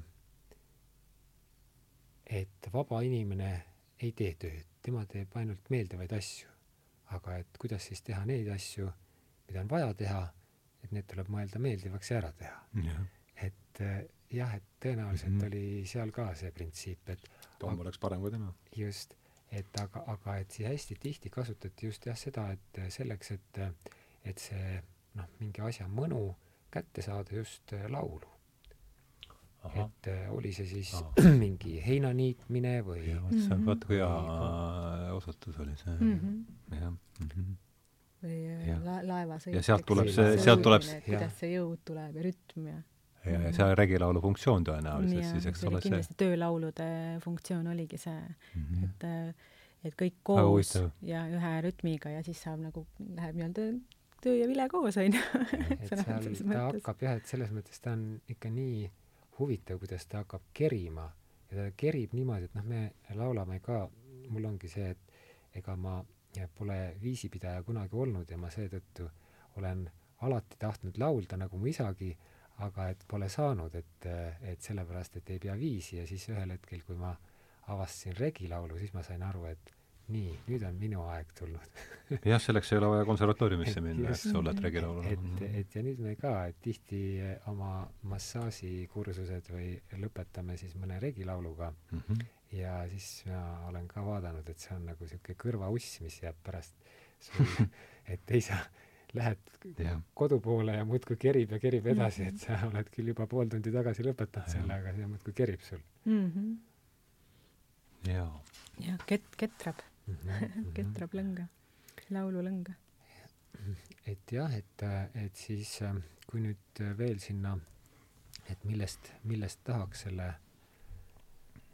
ähm, pärimusmeditsiini või maarahva meditsiini juures rääkida, siis, siis üks, üks tahk on ka siin see, et äh, eks ma ole ka natukene nahutada saanud äh, osade nii-öelda folkloori inimeste käest või, või siis maarahva nii-öelda maausuliste käest, võib-olla mõne käest, et, et sa tegeled ka ikkagi niisuguste nagu noh, et kas see ikka oli pärimuslik ja kas see ja jah, neil on õigus, et, et vot me oleme natukene selles kohas, et kus, kus meil on nagu olnud suur hirm, et, et meie nii-öelda kultuur ja pärimus kaob. Mina enam seda hirmu ei tunne. ma saan aru, et see ei kao kuskile, et see jääb. aga et selle kõrval on selline mm, asi, et kuna ma tegelen ka siis äh, inimeste tervisega, et ma püüan neid terveks saada ja muidugi eelkõige tervena hoida, et siis, äh, siis minu jaoks ei ole vahet, et kuskohast see teadmine mul saadud on, et kas ma sain selle Hiina meditsiinist või Ayurvedast või kuskilt äh, Eesti pärimusest, et minu jaoks on, on see, et kui ma saan inimese terveks tehtud, siis see on number üks mm. -hmm. ja number kaks on see, et kui ma saan selle nii-öelda maarahva loogikaga seostada või selle mõtteviisiga ühildada, siis ma saan seda ka nagu enda omaks hakata selles mõttes pidama, et oma ravi, ravi osaks. Et äh, kui ma näen, et see toimib ja et see läheb nii-öelda selle mõttelaadiga kokku, sest äh, maailm on täis selliseid äh, noh, kas või seesama kõige tuntum tai meditsiin Taimassaas ei ole sugugi tailaste välja mõeldud vaid hoopiski siis väidetavalt India ühe nii-öelda Buda ihuarsti välja mõeldud raviviis. Ja et miks ta siis Indias ei hakanud tööle, see ihuarst Ivaka Prakha ehk doktor Shivago, nagu teda kutsuti, et siis hmm. ta käis nii Indias, käis Hiinas, Laoses, Birmas, Tais aga ainult Tais hakkas ta tööle. teistes maades ta ei hakanud tööle, sellepärast et ainult Tais oli selline keskkond, sobilik nii-öelda selline mõtteviis, kus ta sai nii-öelda seda, seda nagu viljakat pinnast. ja nii on nagu näiteid nagu sadu ja sadu, kuidas nagu ühe maa välja mõeldud asi hakkab teisel maal tööle ja nüüd öelda näiteks, et et ei, et see tai massaaž, et see ei ole ikka mingi tai noh, raviosa, et sellepärast keegi teine mõtles selle välja. aga mis tähtsust sellel on, et keegi teine mõtles selle välja mm? -hmm. kui see töötab siin meie maal meie heaks mm. -hmm. et, et ja, ja seetõttu on ka, et et ma olen ka nagu selles, et, et noh, muidugi folkloor, folkloorikoguja asi on äh, korjata võimalikult täpset infot ja seda nii, nagu kirja on pandud, tema ei saa väga palju improviseerida mm, -hmm. oletada, temal on fakt, et, et üks äh, mõisahärra kirjutas nii või üks äh, keegi seal pani selliselt kirja, kas see oli nüüd äh, nii-öelda irooniaga kirjutatud mm, -hmm. oli see nali, oli see mhm. nii-öelda järelikult on õige. jah, järelikult peab nii kirja panema, et ta on õige ja nii, nii ta oli. et, et ja noh, paraku nii oli, et need, kes kirja panid, need ju tahtsidki tavaliselt, et, et noh, et meie rahvas oli ju väga pikalt nii-öelda äh, tavamõistes kirjaoskamatu, neil oli küll oma kiri, aga et äh, noh, näiteks vöökiri ja, ja mm -hmm. muud niisugused ja, et ma noh, ma ei tea, kuidas selle ruunikirjaga, aga et, et nii-öelda tavamõistes ja see, mida me saame lugeda, ongi nii-öelda nii, nagu nende poolt kirja pandud, kes tahtsid seda näidata kas siis mm -hmm. grotesksena äh,, kuidagi ümberpööratuna mm -hmm. või ei saanud lihtsalt aru sellest. et noh, kindlasti oli ka väga palju neid, kes tahtsid seda heas valguses näidata, aga nad ei pruukinud sellest nagu piisavalt jah, Ülo Valgu ja Merli mm -hmm. Metsavahiga, Metsvahiga oli just äh, uh -huh. sellest äh,, nendest mm, -hmm. nendest teema, ma ei mäleta, mis see number oli, aga mitte jah, tuleb, tuletab meelde seda juttu, mis ma seal kuulsin. jah, jah et ja, ja seetõttu jah, ma nagu äh, olen ka alati siis öelnud, et ma äh, saangi aru, et folkloristi ülesanne on nii-öelda võimalikult sellest faktist kinni olla, aga minu ülesanne on äh, teistsugune, et minu ülesanne on püüda nii-öelda aru saada, et kus see tõde võis olla ja et kuidas tegelikult nii-öelda selle infoga toimetada, et kuidas sellega hakkama saada, kuidas äh, seda kasutada inimeste hüvanguks ja teisalt ka siis seda, et et meie tänased teod saavad äh, kunagi äh, pärimuseks. Mm. -hmm. ja meie pärimusmeditsiin hakkab olema äh, noh, viiekümne aasta pärast selline, nii nagu me praegu teeme, et ma ei tahaks küll, et meie esisad vangutavad pead, et et me kakssada aastat niim-, tagasi niimoodi mõtlesime ühe raviviisi välja, et kas te midagi targemat ei olegi nüüd nagu sinna juurde mõelnud et nagu ikka olete selle juures veel või? et nagu noh, et minu meelest on loomulik protsess, et kui inimene areneb, ta saab rohkem teadmisi, tal tekivad ka teised vajadused, et siis meie nii-öelda ka rahvameditsiin nii-öelda areneb edasi ja ja kasutab seda, mida, mida on nagu vaja kasutada mm. -hmm. Ja. aga äh, tahaks Agne käest küsida, sa kirjutasid seal oma loos nendest äh, Lõuna-Ameerika ikarostest on siis tervendus, võib öelda tervenduslaulud või? võib äh, küll, jah. et kas sa, kas sa tooksid kuidagi neid äh, ütleme, meie, minu meelest sa seda ka sealt tegid, aga, aga tuleme, see on huvitav teema, et et otsida seal mingeid sellist ühist äh, ühist põhja. võib-olla selgitada üldse veel uuesti lahti eh, siin, kes on meiega, ei ole selle varasemat, kes ei ole seda lugu lugenud, mis asjad olid need ikarused? Eh, ja, ja kuidas see meie selle pärimusega haakub? jah äh,, mäletad, kui mul üks, üks osa minust siis see regilaulude söö, ilus sööt tuli sealt vaatas, vaatas sinna Tiibeti poole, siis teine osa minust on jällegi see, see, kes metsades indiaanlast mängis, onju. Mhm. ja siis ja kuidagi juhtus nii, et elutee viis mind kokku äh, äh, põlisameeriklastega ja just äh, mind hakkas kõige rohkem paeluma see Peruu Kokama hõimu traditsioon kust siis ma leidsin äh, kõige parema, noh, õpetaja, kes suutis mulle ära selgitada, kuidas need äh, päriselt töötavad, seal nad siis kasutavad äh, samamoodi laulude, tähendab taimede juurde laule ja, ja, ja mõni, mõningatel juhtudel ka puhtalt laule, nagu oleks meie mõistes nagu loitsud, et mhm. see mm -hmm. oleks sarnane nagu loitsuga pigem jah mm, -hmm. et, et regilaul võib ka teatud mõttes võib-olla, kui sa leiad õiget äh, õiged sõnad, siis sa võid sellest ka loitsu teha, eks ju. aga seal oli just teatud, teatud ja seal on võrdusmärk ka Tiibeti mantratega näiteks, Indias samamoodi, et teatud haiguse puhul öeldakse sõnad peale, eks ju mm. -hmm. et see, see on siis sellele meele poolele, üks asi on see, et, et ta vaigistab seda meelt ja sa, ja sa kinnitad endale, et nii on.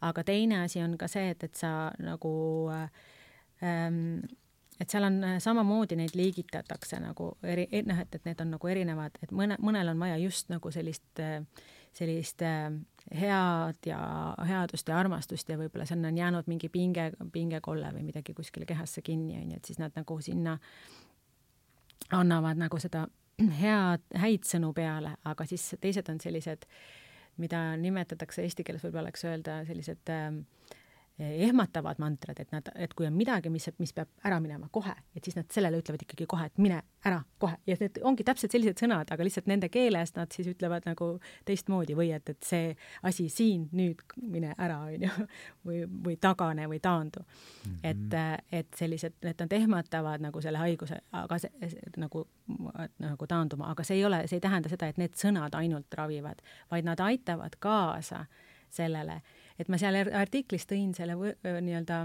kujundina sellise, et äh, arvutisüsteemiga sellise võrdluse, et äh, et arvutisse läheb ka viirus, eks ju, et äh, seal on mingisugune konkreetne noh, nagu Äh, programmi osa on häiritud, siis sinna on vaja teha seda nii-öelda siis seda viirustõrjet, eks ju, või siis sellist, see programm üle kirjutada äh, nagu uuesti ja siis need laulud ongi siis mhm. kas siis korrastavad või siis just, et, et nad võtavadki nagu la, la, lahutavad lahti selle struktuuri ja siis see saab selle uuesti pärast kokku panna nagu et aga sinna käivad juurde tihtipeale ka täitsa noh, selles mõttes nagu äh, kas siis konkreetsed taimed, konkreetsed äh, noh, nagu raviviisid, on ju mm, -hmm. mida kasutatakse, et nad ei ole ainult äh, puhtalt, et see on selles mõttes ka terve teadus, aga ta on selline teadus, mis ei ole võib-olla meie teaduspõhisele meditsiinile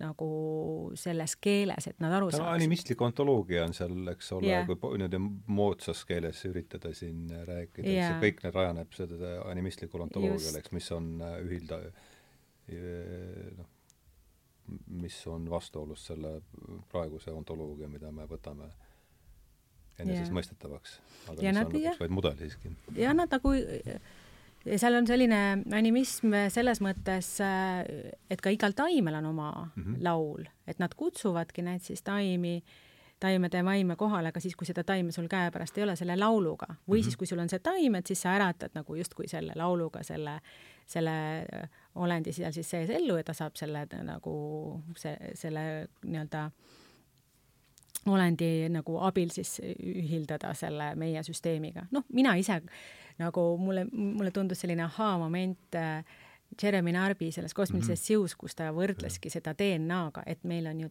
sama DNA taimedega, et meil on noh, riisiga vist on mingi viiskümmend protsenti või noh, no väga suur osa meie DNA-st mm -hmm. ühildub taimede DNA-ga, eks ju, erinevate taimede. ja seal on äh, et see, need la-, need laulud ja taimed, nad moodustavad nagu, meil on ka regilaulus on nagu selline korduv paralleelismid, et selline korduv printsiip, et ta tekitab teatud mõttes ka sellise looklemise nagu, et sa lähedki võib-olla siis nagu mingisugusesse sellisesse nagu olekusse või seisundisse, mis sinu mm süsteemiga kuidagi nagu ühildub, sa oled ise sellises seisundis, et sa võtad paremini seda taime vastu ja siis see ravi toimib lihtsalt äh, tõhusamalt mm. -hmm. et midagi sellist ma ise nagu võib-olla äh, näen seal taga, et see ja temal oli ka täitsa selles mõttes ka noh, nagu toodud noh, nagu lugu ja võtmeprintsiipe ka, et, et kuidas nagu see käis sul ka järsku läbi sealt loost või? Äh, võis olla küll, et seda ma olen, seda ma olen ise või on see jutusaamest tulnud? jah, et äh, tajunud, et, et teatud äh, teatud taimede puhul, et meie keha, meie kehas on siis sellised lukud ja siis nemad on, on, on nagu võtmed, et seda nad on nagu ka isegi täitsa vaadanud noh, nende taimede siis struktuuri kaudu, et, et sa vaatad läbi mikroskoobi ja näed siis selle taime enda mudelit, joonistad selle ära ja siis pärast vaatad, et meie vastuvõturetseptorid on täpselt samasugused ja siis lähevad nad kokku omavahel. et seal ei olegi selles mõttes suurt äh, teadust vaja taha, et seal on äh, lihtsalt, äh, nemad on selle saanud, selle teadmise otse metsalt, et see mets ongi nende õpetaja, nad nimetavadki näiteks suured puud on seal meister, äh, meistrid, noh nagu, nagu õpetajad, meistertaimed või, või meisterõpetajad mm. -hmm. ja nad saavad sealt teadmise, mida teha. ja, ja, ja, ja ikka see, ikka ja. see Peruu traditsioon, et äh, et nemad austavad puid nii väga, et nad äh, võtavad neid kui õpetajaid mm -hmm. ja, ja nad saavad sealt teadmisi, mis mis ja äh, suhtlevad siis nende samade lauludega? läbi laulude mm -hmm. just, ja nad saavad ka otse metsalt laul, nagu või puult laulu, et nad saavad selle kaudu seda, ja seal on, selles mõttes on hästi tore, et seda siis rakendada, on ju, ja tore on see, et seal on ka ülikool kõrval, et nad mhm. on hakanud ka uurima seda mm. -hmm et kui ja väga paljudel juhtudel, noh, nii nagu meilgi, seesama ennetus äh, või pärimusmeditsiin, et kuidagi meie esivanemad ikkagi teadsid, et üks taim on millegi jaoks hea ja teine taim on teise asja jaoks see hea. tegelikult läheb äh, väga kokku sellega, mis on meie, meie nii-öelda maarahva arusaamad mm. -hmm no mõlemal pool on see animistlik äh, ellusuhtumine, eks? et seal ühest küljest see animistlik ellusuhtumine aga et eh, noh, ma peaaegu nagu kuulan ja vaatan, et eh, et nüüd just eh, üks meie võib-olla maa, maausu selliseid suurimaid panustajaid, filosoofe ja, ja Kalle Eller, kes just läks Manala teele siin nädala jagu tagasi.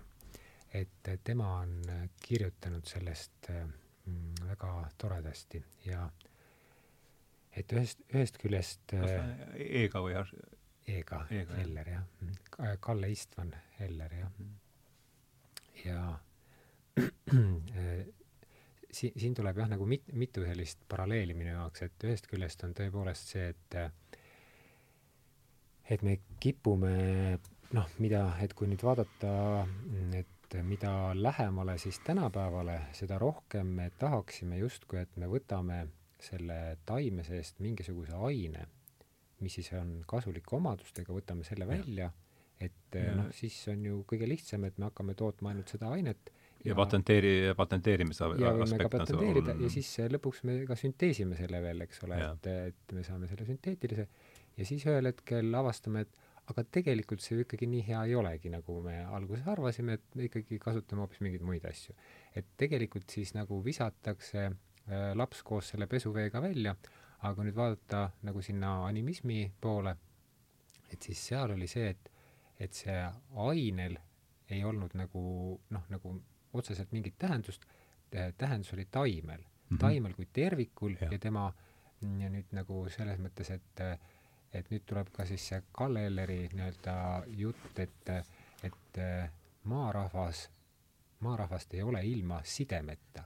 et mm -hmm. maarahvas tegelikult või maausk tekibki ainult selliselt, et sul on äh, side siis side kas maaga, side kas puuga, mingisuguse taimega, mingisuguse kohaga, teiste inimestega, et selle sideme kaudu ongi nagu põhimõtteliselt see maausk määratleda mm. -hmm. ja see, selleks, et sa noh, nagu üldse mingisugust taime hakkaksid kasutama, siis sa pead looma kõigepealt sideme selle mm -hmm. taimega sa saad aru, et, et mis see, mis see taim sulle siis nii-öelda tähendab, kuidas ta mm -hmm. sinu, sinusse kuidagi suhtub, et iseenesest noh, ongi, et, et taim äh, on siis jälle osa siis nii-öelda mingisugusest ökosüsteemist mm, -hmm. et noh, näiteks metsast ja siis noh, metsa siis äh, äh lõuna pool siis olid, ütleme siis metsa ema, metsa isa äh,, põhja pool olid siis haldjad, et siis ja, ja noh, tema oli mõnes mõttes see, kes oli nagu selle meie jaoks nagu selle ökosüsteemi sümbol mm. -hmm. et kui me räägime nagu noh, näiteks metsaemast, et siis, siis tegelikult noh, me räägime kogu sellest ökosüsteemist ja nüüd, kui me noh, nagu tahame selle taime käest midagi, siis me kõigepealt nii-öelda nagu noh, nagu kogu selle suhestumisega sinna ökosüsteemi pöördume selle taime poole, tunnetame teda mm -hmm. ja siis vaatame, et milleks ta saab kasutada. ja, ja. ja nüüd, nüüd ongi, et et mida mis... ja need, need laulud siis aitavad just seda emotsionaalset sidet ju tekitada, ma kujutan ette mm. -hmm. et mm -hmm. Ja mm, see, see ka, et mida, mis mulle ei meeldi, on see, et kui, äh, kui näiteks taimeravi puhul hakatakse rääkima sellest, et, et ütle nüüd äh, kolm taime, mis äh, viirushaigustele mõjuvad. et jaa, muidugi, loomulikult saab niimoodi öelda, aga see ei ole nagu tablett et nagu see on nüüd kurguvalu tablett, see on kõhu mm. lahtisuse tablett, on ju, et, et, et sa äh, noh, see taim toimib niivõrd hästi mitmele asjale, et noh, võtame kas või sellesama, mis siin jutuks oli, see raudrohi, et raudrohi ühest küljest äh, on ta võib-olla kõige esimese asjana äh, hoopis seedesüsteemi korrastaja, et ta on väga hea seal sapile, maksale aga et äh, teisest küljest äh, noh, teda teataksegi võib-olla kõige rohkem äh, just selle järgi, et tal on ained, mis siis aitavad verejooksu kinni panna, et näiteks noh, just sellepärast ta raudrohi on, et ta on mhm. nii-öelda rauahaavade nii-öelda raviks üks parimaid asju. et ja noh, kuna ta on kibe ja enamus taimed on kibedad, mõrudad, siis on ta äh, suure tõenäosusega ka immuunsüsteemi äh, väga hea nii-öelda toetaja. et selles mõttes, ja nüüd, kui sa hakkad inimesele midagi soovitama, siis äh, noh, et loomulikult, äh, kui sa midagi ei oska, siis sa loedki, vaatad, et ahah, seda, seda on ju, aga nüüd, mis teeb siis nii-öelda taimetarga, on see, et see taimetark ongi tark ja ta saab aru, et, et noh, nagu milline taim sulle võiks sobida. Mm -hmm. sinu noh, oma olemusest lähtuvalt, võib-olla selle taime olemusest lähtuvalt. Ja ta hakkab siis selles mõttes neid asju kokku panema, noh, lisaks siis see, et mida võib kokku panna ja mida ei või kokku panna ja kui kaua seda siis äh, keeta ja kõik muu sinna juurde, see on siis nii-öelda nagu tehniline asi ja et aga jah, et et et ei tahaks jah, et see läheb niisuguseks kuidagi mehaaniliseks, äh, see. jah, ja seal äh, ja äh, mille, mis oli minu jaoks hästi huvitav, oli see, et, et see traditsioon, kuidas siis nagu nii-öelda taimetarkade õpilased õpivad neid taimi tundma, on see, et, et võetakse nüüd sa räägid ikka sellest perust, jah mm? -hmm. võetakse maha kõik stimulandid et sa võetakse maha sool, suhkur, sa sööd ainult see on see dieta nii nagu jaa, nii nagu ta on.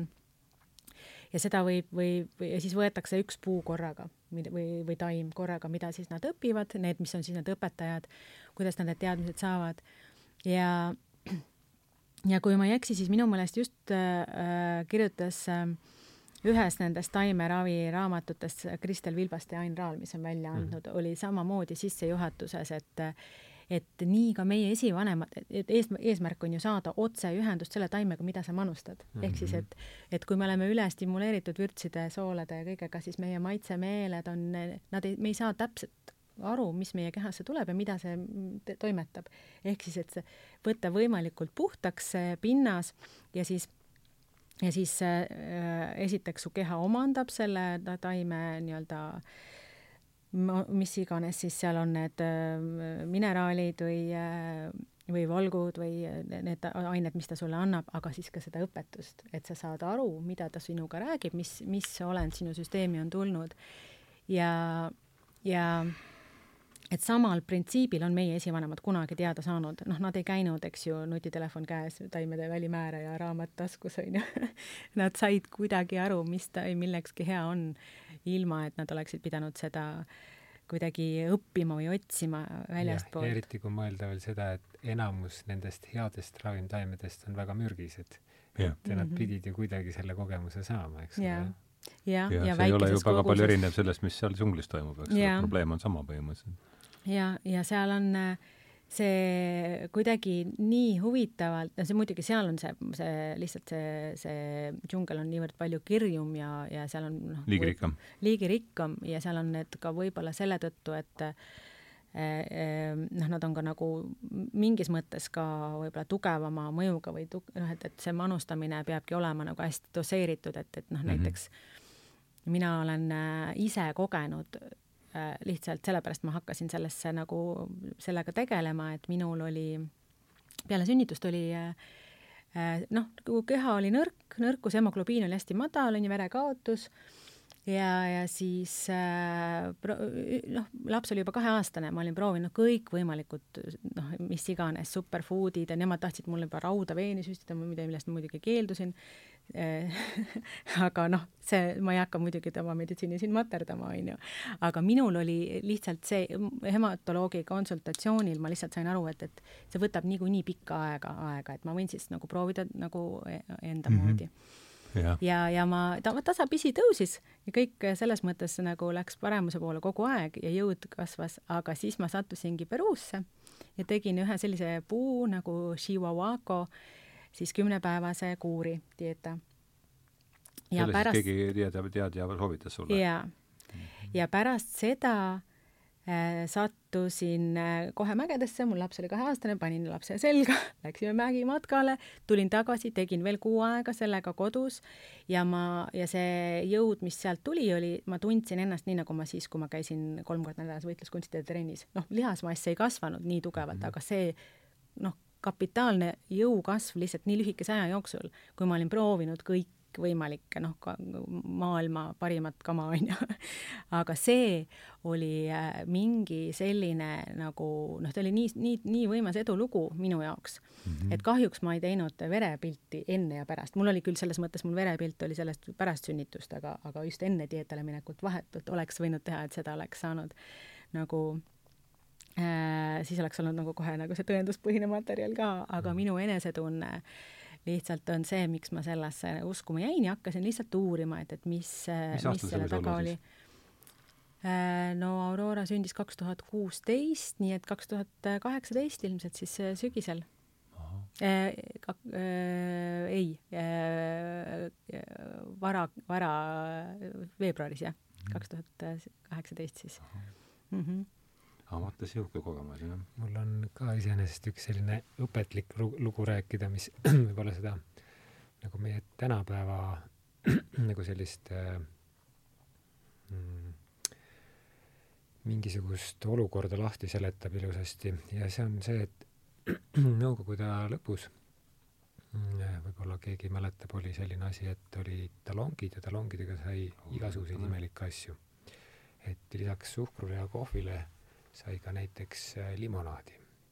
kas niisugune aeg oli ka, vot seda ma ei mäletagi. jaa, et noh, et äh, ma ise äh, klimps oli ka talongi peal ja võis olla. et noh, ilmselt kui magus jook või mida iganes, pikalt seda ilmselt ei olnud, aga mul on see väga selgelt sellepärast meeles, et ma olin siis Eesti koondises laagris Käärikul ja toodi siis meile kastidega neid limonaade sinna, et kui no oli, oldi siis meile nii-öelda Eesti koondise jaoks saadud seda ja mina kui maapoiss, minul ei olnud nagu üldse sellist asja, et et ma oleks saanud äh, nagu magusat liiga palju, et meil oli mm -hmm. äh, üldiselt äh, autopood, käis autolavka, käis siis nii-öelda nagu, mm, käis seal küla juures äh,, ema käis korra seal siis toomas, tõi äh, nädala jagu siis toitu ära ja noh, siis sel päeval sai magusat süüa. Järgnevatel päevadel mitte. noh, niisugust äh, ikka neid, nii nagu eestlastel tavaks neid magustoite tehakse ikka tehti, et äh, et oli, küll oli pubertit ja selliseid asju, aga noh, nagu sellist äh, limonaadi ja, ja nagu võib-olla saiakesi ja niisuguseid asju või komme väga, väga ei olnud. ja siis noh, kui nüüd järsku oli juulikuu, oli, higistasin nagu loom seal, eks ole, jooksin seal võib-olla kakskümmend kilomeetrit imitatsiooni mägedes et siis äh, näed äh, õunalimonaadi, Eesti õunalimonaadi, noh, loomulikult äh, mina kui maapoiss kallasin siis üks-kaks liitrit seda endale siis järjest sisse kohe. et ja ühel hetkel olin Kärnas uh. -huh. et sügelesin ja mõtlesin, et mis nüüd on, seal oli veel tookord selline võimalus, et on lutikad, küll ma siis proovisin neid lutikaid üles leida seal ja et, et noh, et see on kõik sellest ja aga siis äh, ühel hetkel sain siis aru, et noh, et ilmselt see on sellest ja rohkem... et see magusa, magus jook siis? jah, et, et see magus jook, et sellest äh, olen ma siis Kärnas. aga mis siis juhtus, oli see, et äh, pärast seda ei kannatanud ma enam Eesti õuna. ja noh, et mingeid välismaa õunu äh, isegi sain süüa natukene aga Eesti seda, see, mille, millega ma olen üles kasvanud, mis mulle nagu kõige rohkem on alati meeldinud, seda õuna ma ei saanud, niisugust hapukat, magusat õuna.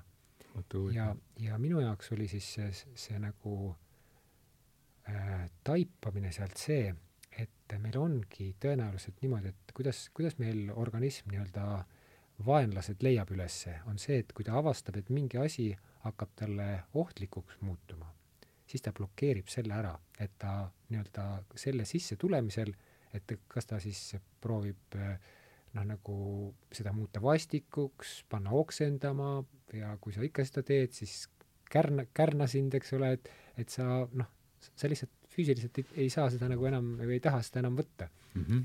ja et kuna seal selles õunalimonaadis tookord tõenäoliselt siis ikkagi mingisuguseid õunaga seotud osi oli, et, et et, et siis äh, mu organism reageeris sellele, et õun on ohtlik, et see Eesti õun on ohtlik, et, et tõenäoliselt siis see seis, seis sel hetkel oli nagu selline ja ma ei saanud aastakümneid pärast seda äh, Eesti õuna süüa.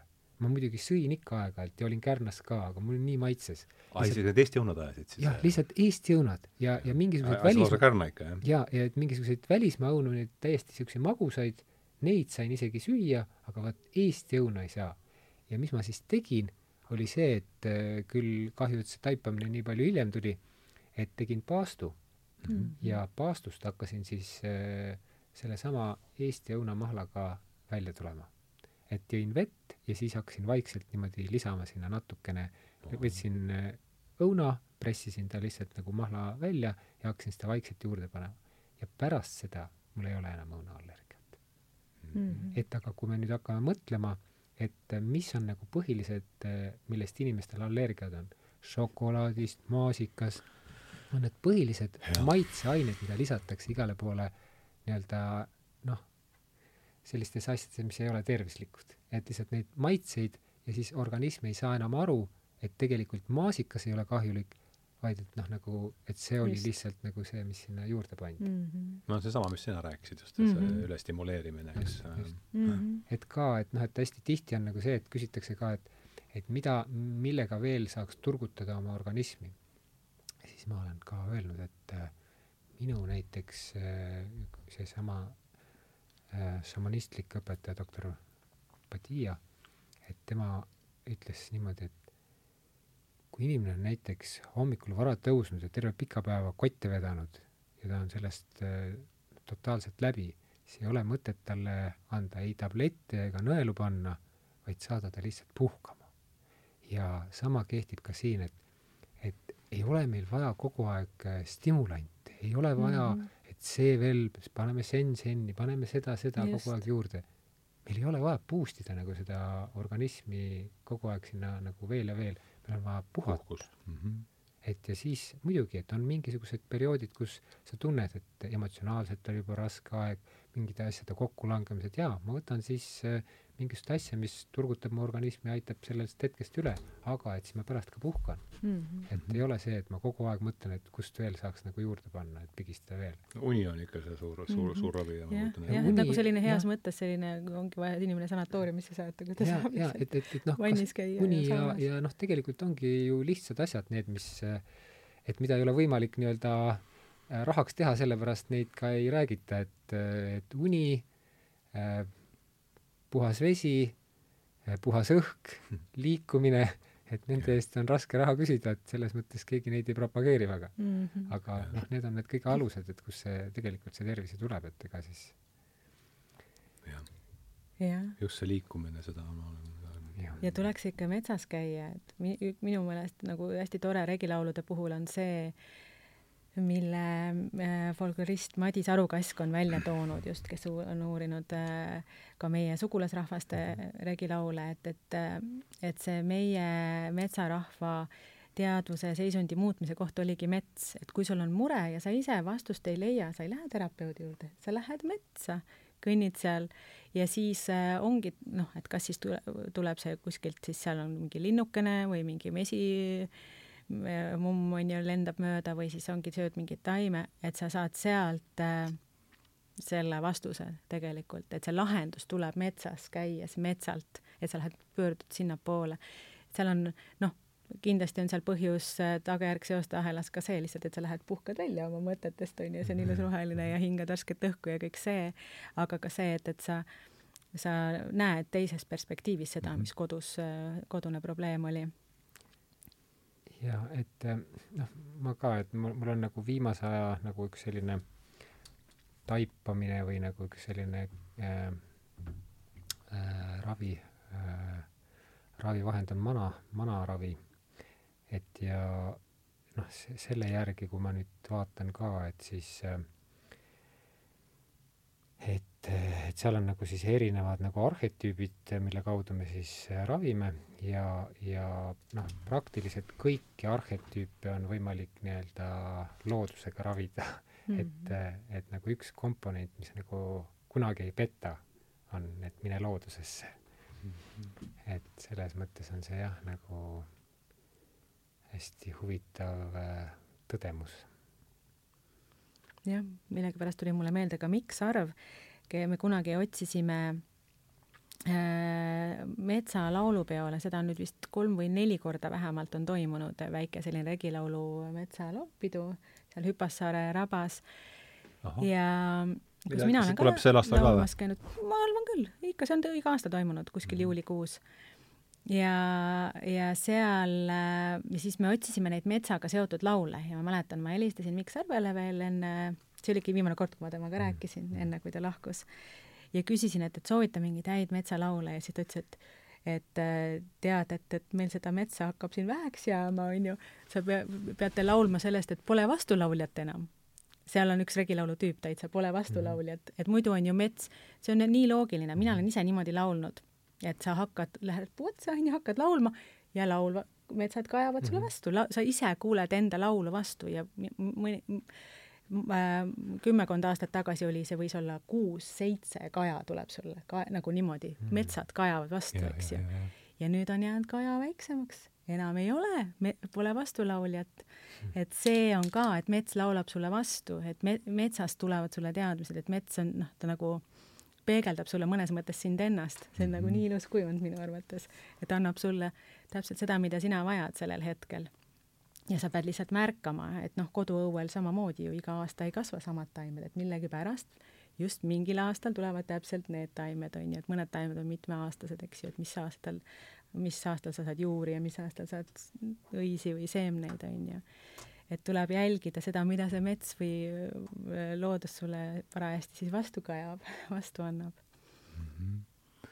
jah, no mulle tundus jah, see animismi, see animistlik mõtlemine, ta justkui tuleb selle ökoloogilise, ökoloogilise mõtteviisiga mingis kujul jällegi uuel kujul äh, võib-olla tagasi, et on vähe, väike lootus vähemasti, et see see ökoloogiline mõtteviis ju peaks vastanduma sellele mehhanitsistlikule või mehaanilisele taju, tajuviisile, millest me siin eh, nakatanud oleme ja millal me tõenäoliselt eh, kannatame üha enam, et eh, kuidas see olen, olen sellega väga sama meelt, et ma tunnen, et et see selline üldine vaimsuse kasv, et see nagu läheb kokku selle anism, animismi printsiibiga, et äh, just nimelt, et, et mm -hmm. suhted on mitte lineaarsed, vaid mm -hmm. tulevad sealt, kus me ei oska isegi aimata. või seosed. ja selles mõttes ongi ka, miks võib-olla see Tai mind tookord äh, nii palju paelus, et äh, Tais on harukordne selline kombinatsioon, et seal on budism ja animism koos, et animistlik mm -hmm. budism on seal mm -hmm. nagu religiooniks tegelikult mm. -hmm budism ja animism koos ja, ja muidugi, jah. et äh, seal on, seal on niimoodi, et äh, et igal mm, igal perel on siis nii-öelda see maja haljas, ta on teinud niisuguse väikese majakese, kuhu ta siis annab toitu ja ta päriselt annab ka, et see ei ole nagu mitte see, et ma nagu mängiks midagi mm. -hmm. ja isegi kodutud, kui neil ei ole kodu, siis jällegi väga huvitav siin just see, et mis nad teevad, nad seovad lindipuu ümber, et see oleks nii-öelda nagu nende äh, majahaldjas siis, et nagu, nagu ja et on isegi selline rahvusvaheline nagu selline suur skandaal teada, et, et kui Bangkoki uut äh, lennujaama ehitati, et siis äh, seal hakkas toimuma igasuguseid äh, anomaaliaid ja jamasid. ja oligi see, et kutsuti preestrid kokku ja öeldi, et aga et tõesti, see on ehitatud surnuaedade peale ja et siin ei ole nagu kombestikuga õieti käitutud, ehitati sinna väga võimas suur selline ähm, nagu majahaldja kodu ja toodi sellele iga päev siis andi ja nüüd on kõik jälle korras, et mm. selles mõttes on ta niisugune huvitav, aga noh, meil on ju ta täpselt samamoodi, et oli, oli ju see Ukovok, et, et kuhu siis pandi, pandi tallele, et, et ega need paralleelid on jah hästi, hästi sarnased. jaa, mul tuli, kui ma õppisin, tegin ühe kursuse läbi Tiibeti mantraravi, kus nad siis rääkisid ka taimedest, inimese organismist ja siis kuidas need mantratega ja lõitsudega on seotud. ja sealt tuli lihtsalt selline väga-väga tore ahhaa-moment, et nemad kasutavadki kas siis vett mingit kas giid või mingit õli ja siis soola, e-, et olenevalt sellest, missuguse haiguse puhul, eks ju, tegemist on, et meie ju ka paneme saunas soola peale mm -hmm. või siis paned mett, onju. et mingite teatud asjade puhul. ja siis seda mantrat siis lauldakse, noh, teatud arv kordi ja siis sa, see nagu puhutakse sinna sisse, on ju, sellesse vette, on ju, et sa annad nagu sellele, noh, nagu meil, et ka puhutakse, see on see sinu hingeõhk või see hea tahe, on ju. ja sa väestad nagu sellega seda. ja, ja siis samamoodi puhuti soola peale. Ja siis mul tuli, et aga meil öeldakse ju, et soolapuhujad on ju need, kes ei tea, mida nad teevad yeah.. aga nad ikka tegelikult teadsid väga hästi, mida nad tegid, sellepärast et seal samamoodi puhuti peale ja, ja anti need oma loitsud ja sõnad. et see on küll väga tore jah, et ma kuulen, et, et mujal, mujal ka neid soolapuhujaid on olnud. et ma olen ikka soolapuhujatest alati rääkinud, et need olid väga tõsised ja auväärsed tegelased, et äh, soola puhumist oli jah, nagu minu äh, nii-öelda noh, mida ma olen kuulnud siis nagu kahte varianti, et üks oli siis see, et äh, et võib-olla olete teiegi lapsena nagu teinud sellist asja, et niimoodi läbi varruka puhunud niimoodi, et läheb kuumaks mm. -hmm. et äh, siis äh, vanasti tehti siis äh, sellisel puhkudel, kui näiteks oli äh, südamehaige, et oli nagu noh, inimene oli nagu minekul, et tal oli nagu piiri peal, et kas jääb ellu või mitte. et siis üks selline meetod oligi, et, et südame koha peal, et tihti võeti siis soolakott ja läbi siis selle soola puhuti seda oma hingeõhku, et anti nii-öelda nagu seda oma hingega veel nagu seda viimast jõudu sinna juurde et äh, see oli siis nagu üks versioonidest. ja teine oli siis see, et, äh, et see noh, mingil hetkel need loitsud äh, keelati ära, et need olid, võrdusid nõidumisega mm. -hmm. Ah, see oli siis kiriku poolt tõenäoliselt? ja siis mm -hmm. äh, see haakub just ka-, kasutati nii-öelda seda niimoodi noh, ilma hääleta lugemist, mis siis äh, võis natukene olla sellise puhumise laadne mm. -hmm et, et kus siis nagu mingi koha peale nii-öelda nagu noh, maigutati suud ja, ja hingeõhku tuli, onju mm. -hmm, et just, siis, just. et noh. sosistati, onju. millal see, millal see loitsude keelamine oli, kas sa seda oskad täna mm? -hmm. see on üks huvitav see pandi nõidumisega ühte patta siis, eks? see pandi nõidumisega ühte ja, patta ja see läks mm -hmm. enam-vähem samale ajale, kui oli need äh, libahundi protsessid, et mm -hmm. see on minu jaoks üks selline ka väga huvitav teema olnud.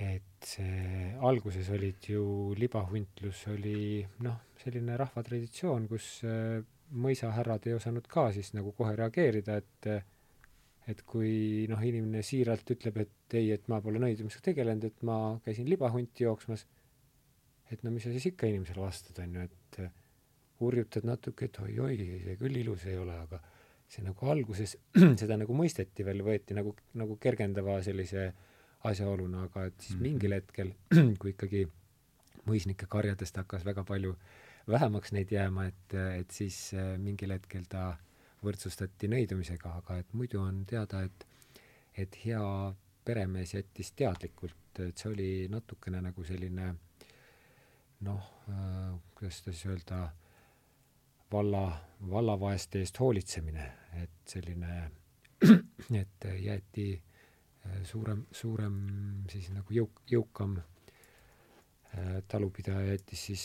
äh, noh, teadlikult mõned loomad, et, et siis see, kellel, kellel seda süüa on vähe, et tema siis noh, varastada ei olnud ilus, aga kui sa tegid seda nii-öelda sellise libahundi kombel et see oli noh, nii nagu on äh, ütleme siis äh, hane, hane jooksmine või, või või Mordikas või Mardi, eks noh, ole. noh, see ongi, et Kadri aa, vot huvitav, seda paralleeli mul ei ole olnud.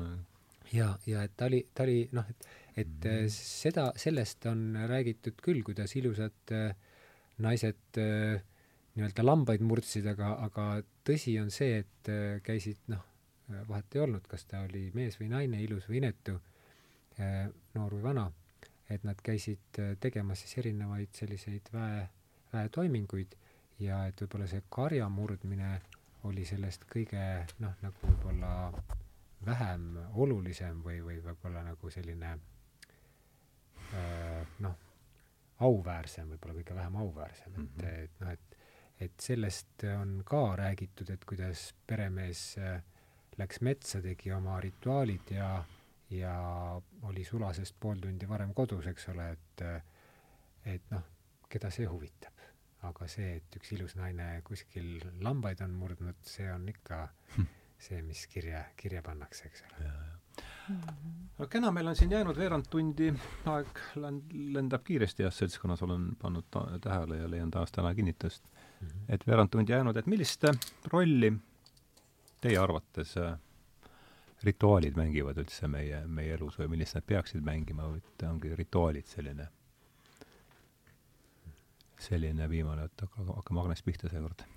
jah, siin Alari jutu taustal mul just, just rääkides sellest samast, et see soola puhumine oli tegelikult päris suur tarkus päris suur oskus, et kuidas on mingid teatud äh, sõnad on pööratud negatiivsesse valgusesse mm. -hmm. üks nendest sõnadest on ka müüt mm. -hmm ja müüt, et see on ju müüt, see ei ole ju tõsi. ei ole teadus, ei ole tõenduspõhine. ja, ja, ja selles on minu meelest, äh, kui ma, mida rohkem mina, ma võib-olla ise olengi ennast äh, nagu äh, kuidagi praegu, et see üks minu aarete otsimise koht, et äh, on nagu kas siis nagu äh, arheoloogia regivärssides on ju, et regiarheoloog või siis müütides mm -hmm. ja need mi midagi annavad mingit sellist äh, äh, sissevaadet või nad on sellised väikesed äh, ähm, pilud, kust kaudu saab siis sinna jälle minna, sinna sellesse müütilisse aegruumi mm. -hmm. ja, ja mul on tunne, et rituaal on ka üks selline viis, millega saab selle aegruumi kuidagi äh, kättesaadavaks teha. et seesama teadvuse seisundi muutmise koht, millest ma rääkisin, mis mets on, milleks mets on hästi hea ja mm -hmm. selline loomulik pühakoda kohe olemas, aga lihtsate koduste tingimustega inimesed saavad äh, sellega enda sellist seisundit muuta. et ähm, jällegi vaadata mingile küsimusele teise nurga alt ja luua endale see noh, selline püha või sakraalne ruum enda ümber, millest need siis nad, kus nad siis saavad selle äh, Äh, turvatunde või mingisuguse hea mhm. vastuse, et, et see võib täitsa olla selline igapäevane asi, mida inimesed teevad, noh, mida võib ka nimetada selliseks harjumuseks või ebausuks, aga, aga need on sellised toredad asjad, mis minu meelest võiks täitsa igapäevaelu juurde käia. aga sellised suured rituaalid, no need on, need on need müütilised väravad, et rituaali läbitegemine ise ongi juba seesama maailma uuesti loomine. Asso Krull on sellest hästi toredalt kirjutanud, et, et nii kui me hakkame jälle laulma, võtame jaanipäeval jälle tulelaulu üles, juba me loome jälle uuesti selle päikesega ühenduse, selle vana äh, maailmaga, kes siin on äh, elanud nende inimestega selle paigaga, et meil tekib see ühendus ja selle, just selle igavikulise aegruumiga ja.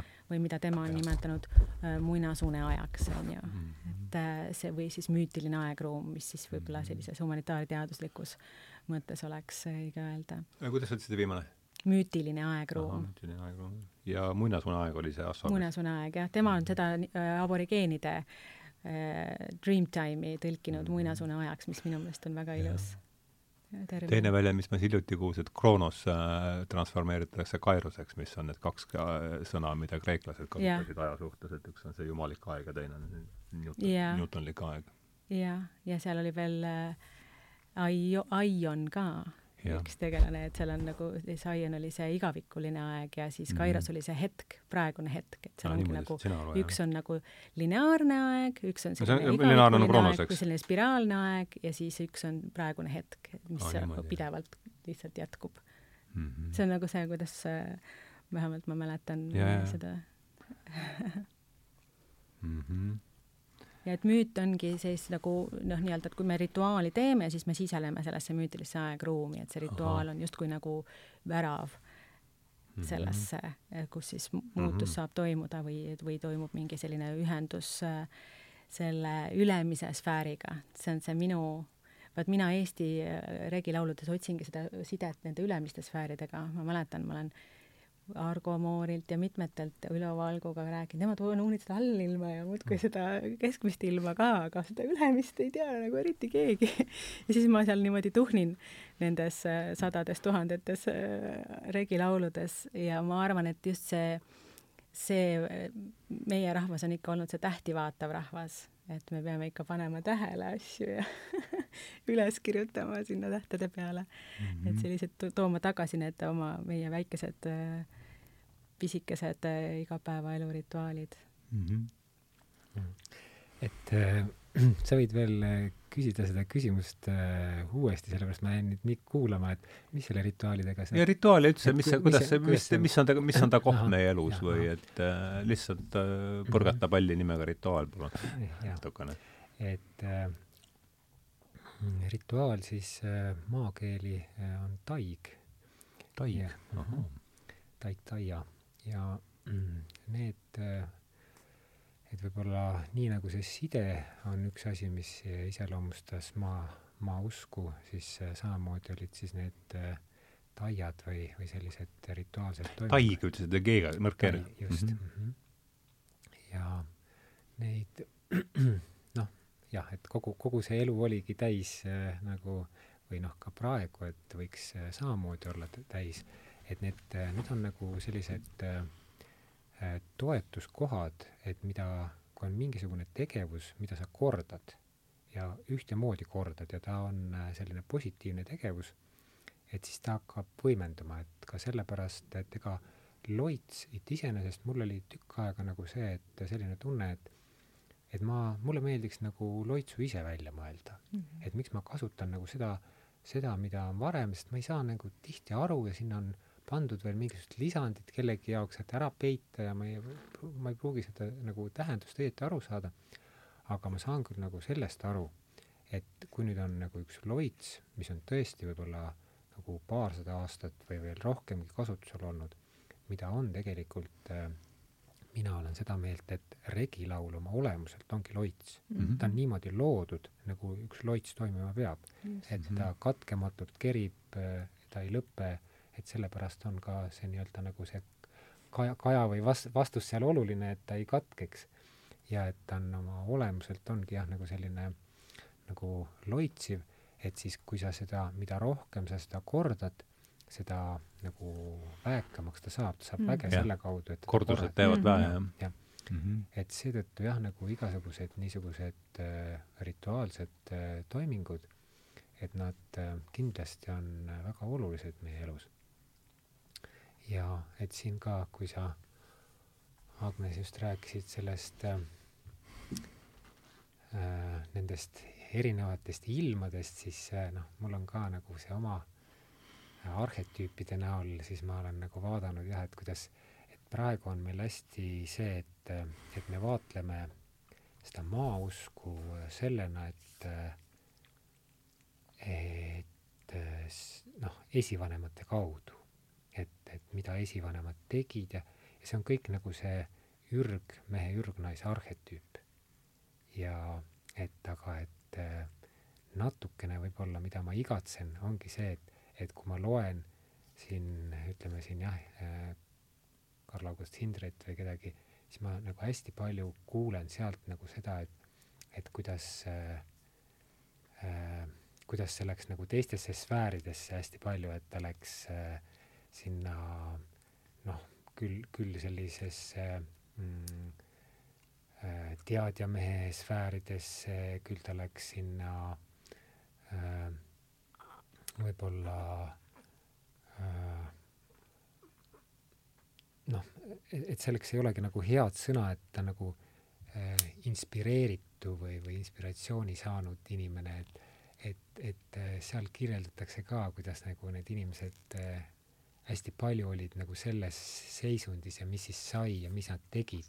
aga mm. et kui me praegu seda, sellest maausust räägime, siis me nagu selle osa kuidagi oleme nagu ära kaotanud et, et see tundub nagu, et ei tea, et äkki ta sarnaneb ikkagi natukene liialt palju sellele äh, esoteerikale või midagi, et, et ja ma nagu tunnen, et, et inimesed kardavad äh, kuidagi äh, see, seda osa nagu äh, tähtsustada või tähe- äh,, et, et mis siis oli samamoodi seotud äh, selliste rituaalidega, teatud siis äh, noh, siis oligi, tehti mingeid äh, taigu, loitsiti, et ja et see oli, see oli nagu hästi suur osa nagu meie, meie elmast või kultuurist siis nii-öelda mm. -hmm.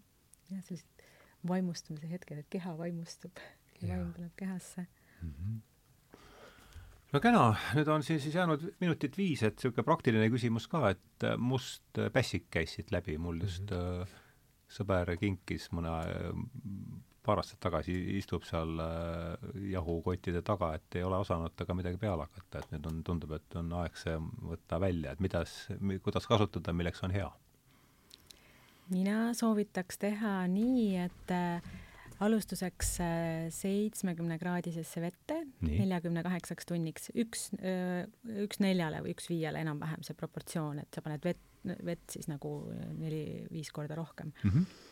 ja siis äh, pärast seda jood selle tõmmise nii-öelda tassi kaupa, ütleme kolm korda päevas ära ja siis äh, ka saad kasutada, kallata sinna uut vett peale öö, nii kaua, kuni tuleb maitset ja värvi, et teedki sellega terve kuuri, et tavaliselt see on mingi, ütleme, ongi kümme päeva kuni kaks nädalat, olenevalt kui, kui kanget öö, nagu sul vaja on teha, et see on sellises profülaktilises mõttes mina olen teda kasutanud täitsa kohvi asemel, et Aha. panengi sinna kaneeli ja mett ja ära piima ja väga maitsev on, et selline mõnus mm. -hmm. Ja tal on selline omapärane selline natukene isegi vaniljemaitseline selline magus maitse. ja mis tema siis, et äh, mille vastu ta siis aitab? ja need on vähemalt e, e, minu andmetel on äh, äh, seda ma nüüd ei ole nüüd uurinud viimastel aastatel, aga et on Eesti äh, ütleme kolmekümne aasta vanuses šaagas on antioksüdantseid omadusi äh, kõige rohkem et seal on see mingi oraki kood, mida noh, ütleme seal mingites porgandis on viis tuhat ja äh, ka superfoodid nagu assai marjad on mingi sada tuhat, aga selles oli kolm miljonit mm -hmm. nagu noh, nagu ikka väga, väga hea puha, keha puhastaja ja just ta tõstab aluselisust kehas mm. -hmm. et, äh, et kui sul on äh, Äh, kui oled liiga palju happelist toitu tarbinud või on äh, stressirohke periood elus olnud või on äh, vanarahva seas isegi sõraliste vähkkasvajate vastu on täitsa ravimina kasutatud mm. -hmm. et ja seal oli üks hästi tore vanarahva lugu oli, mis ma,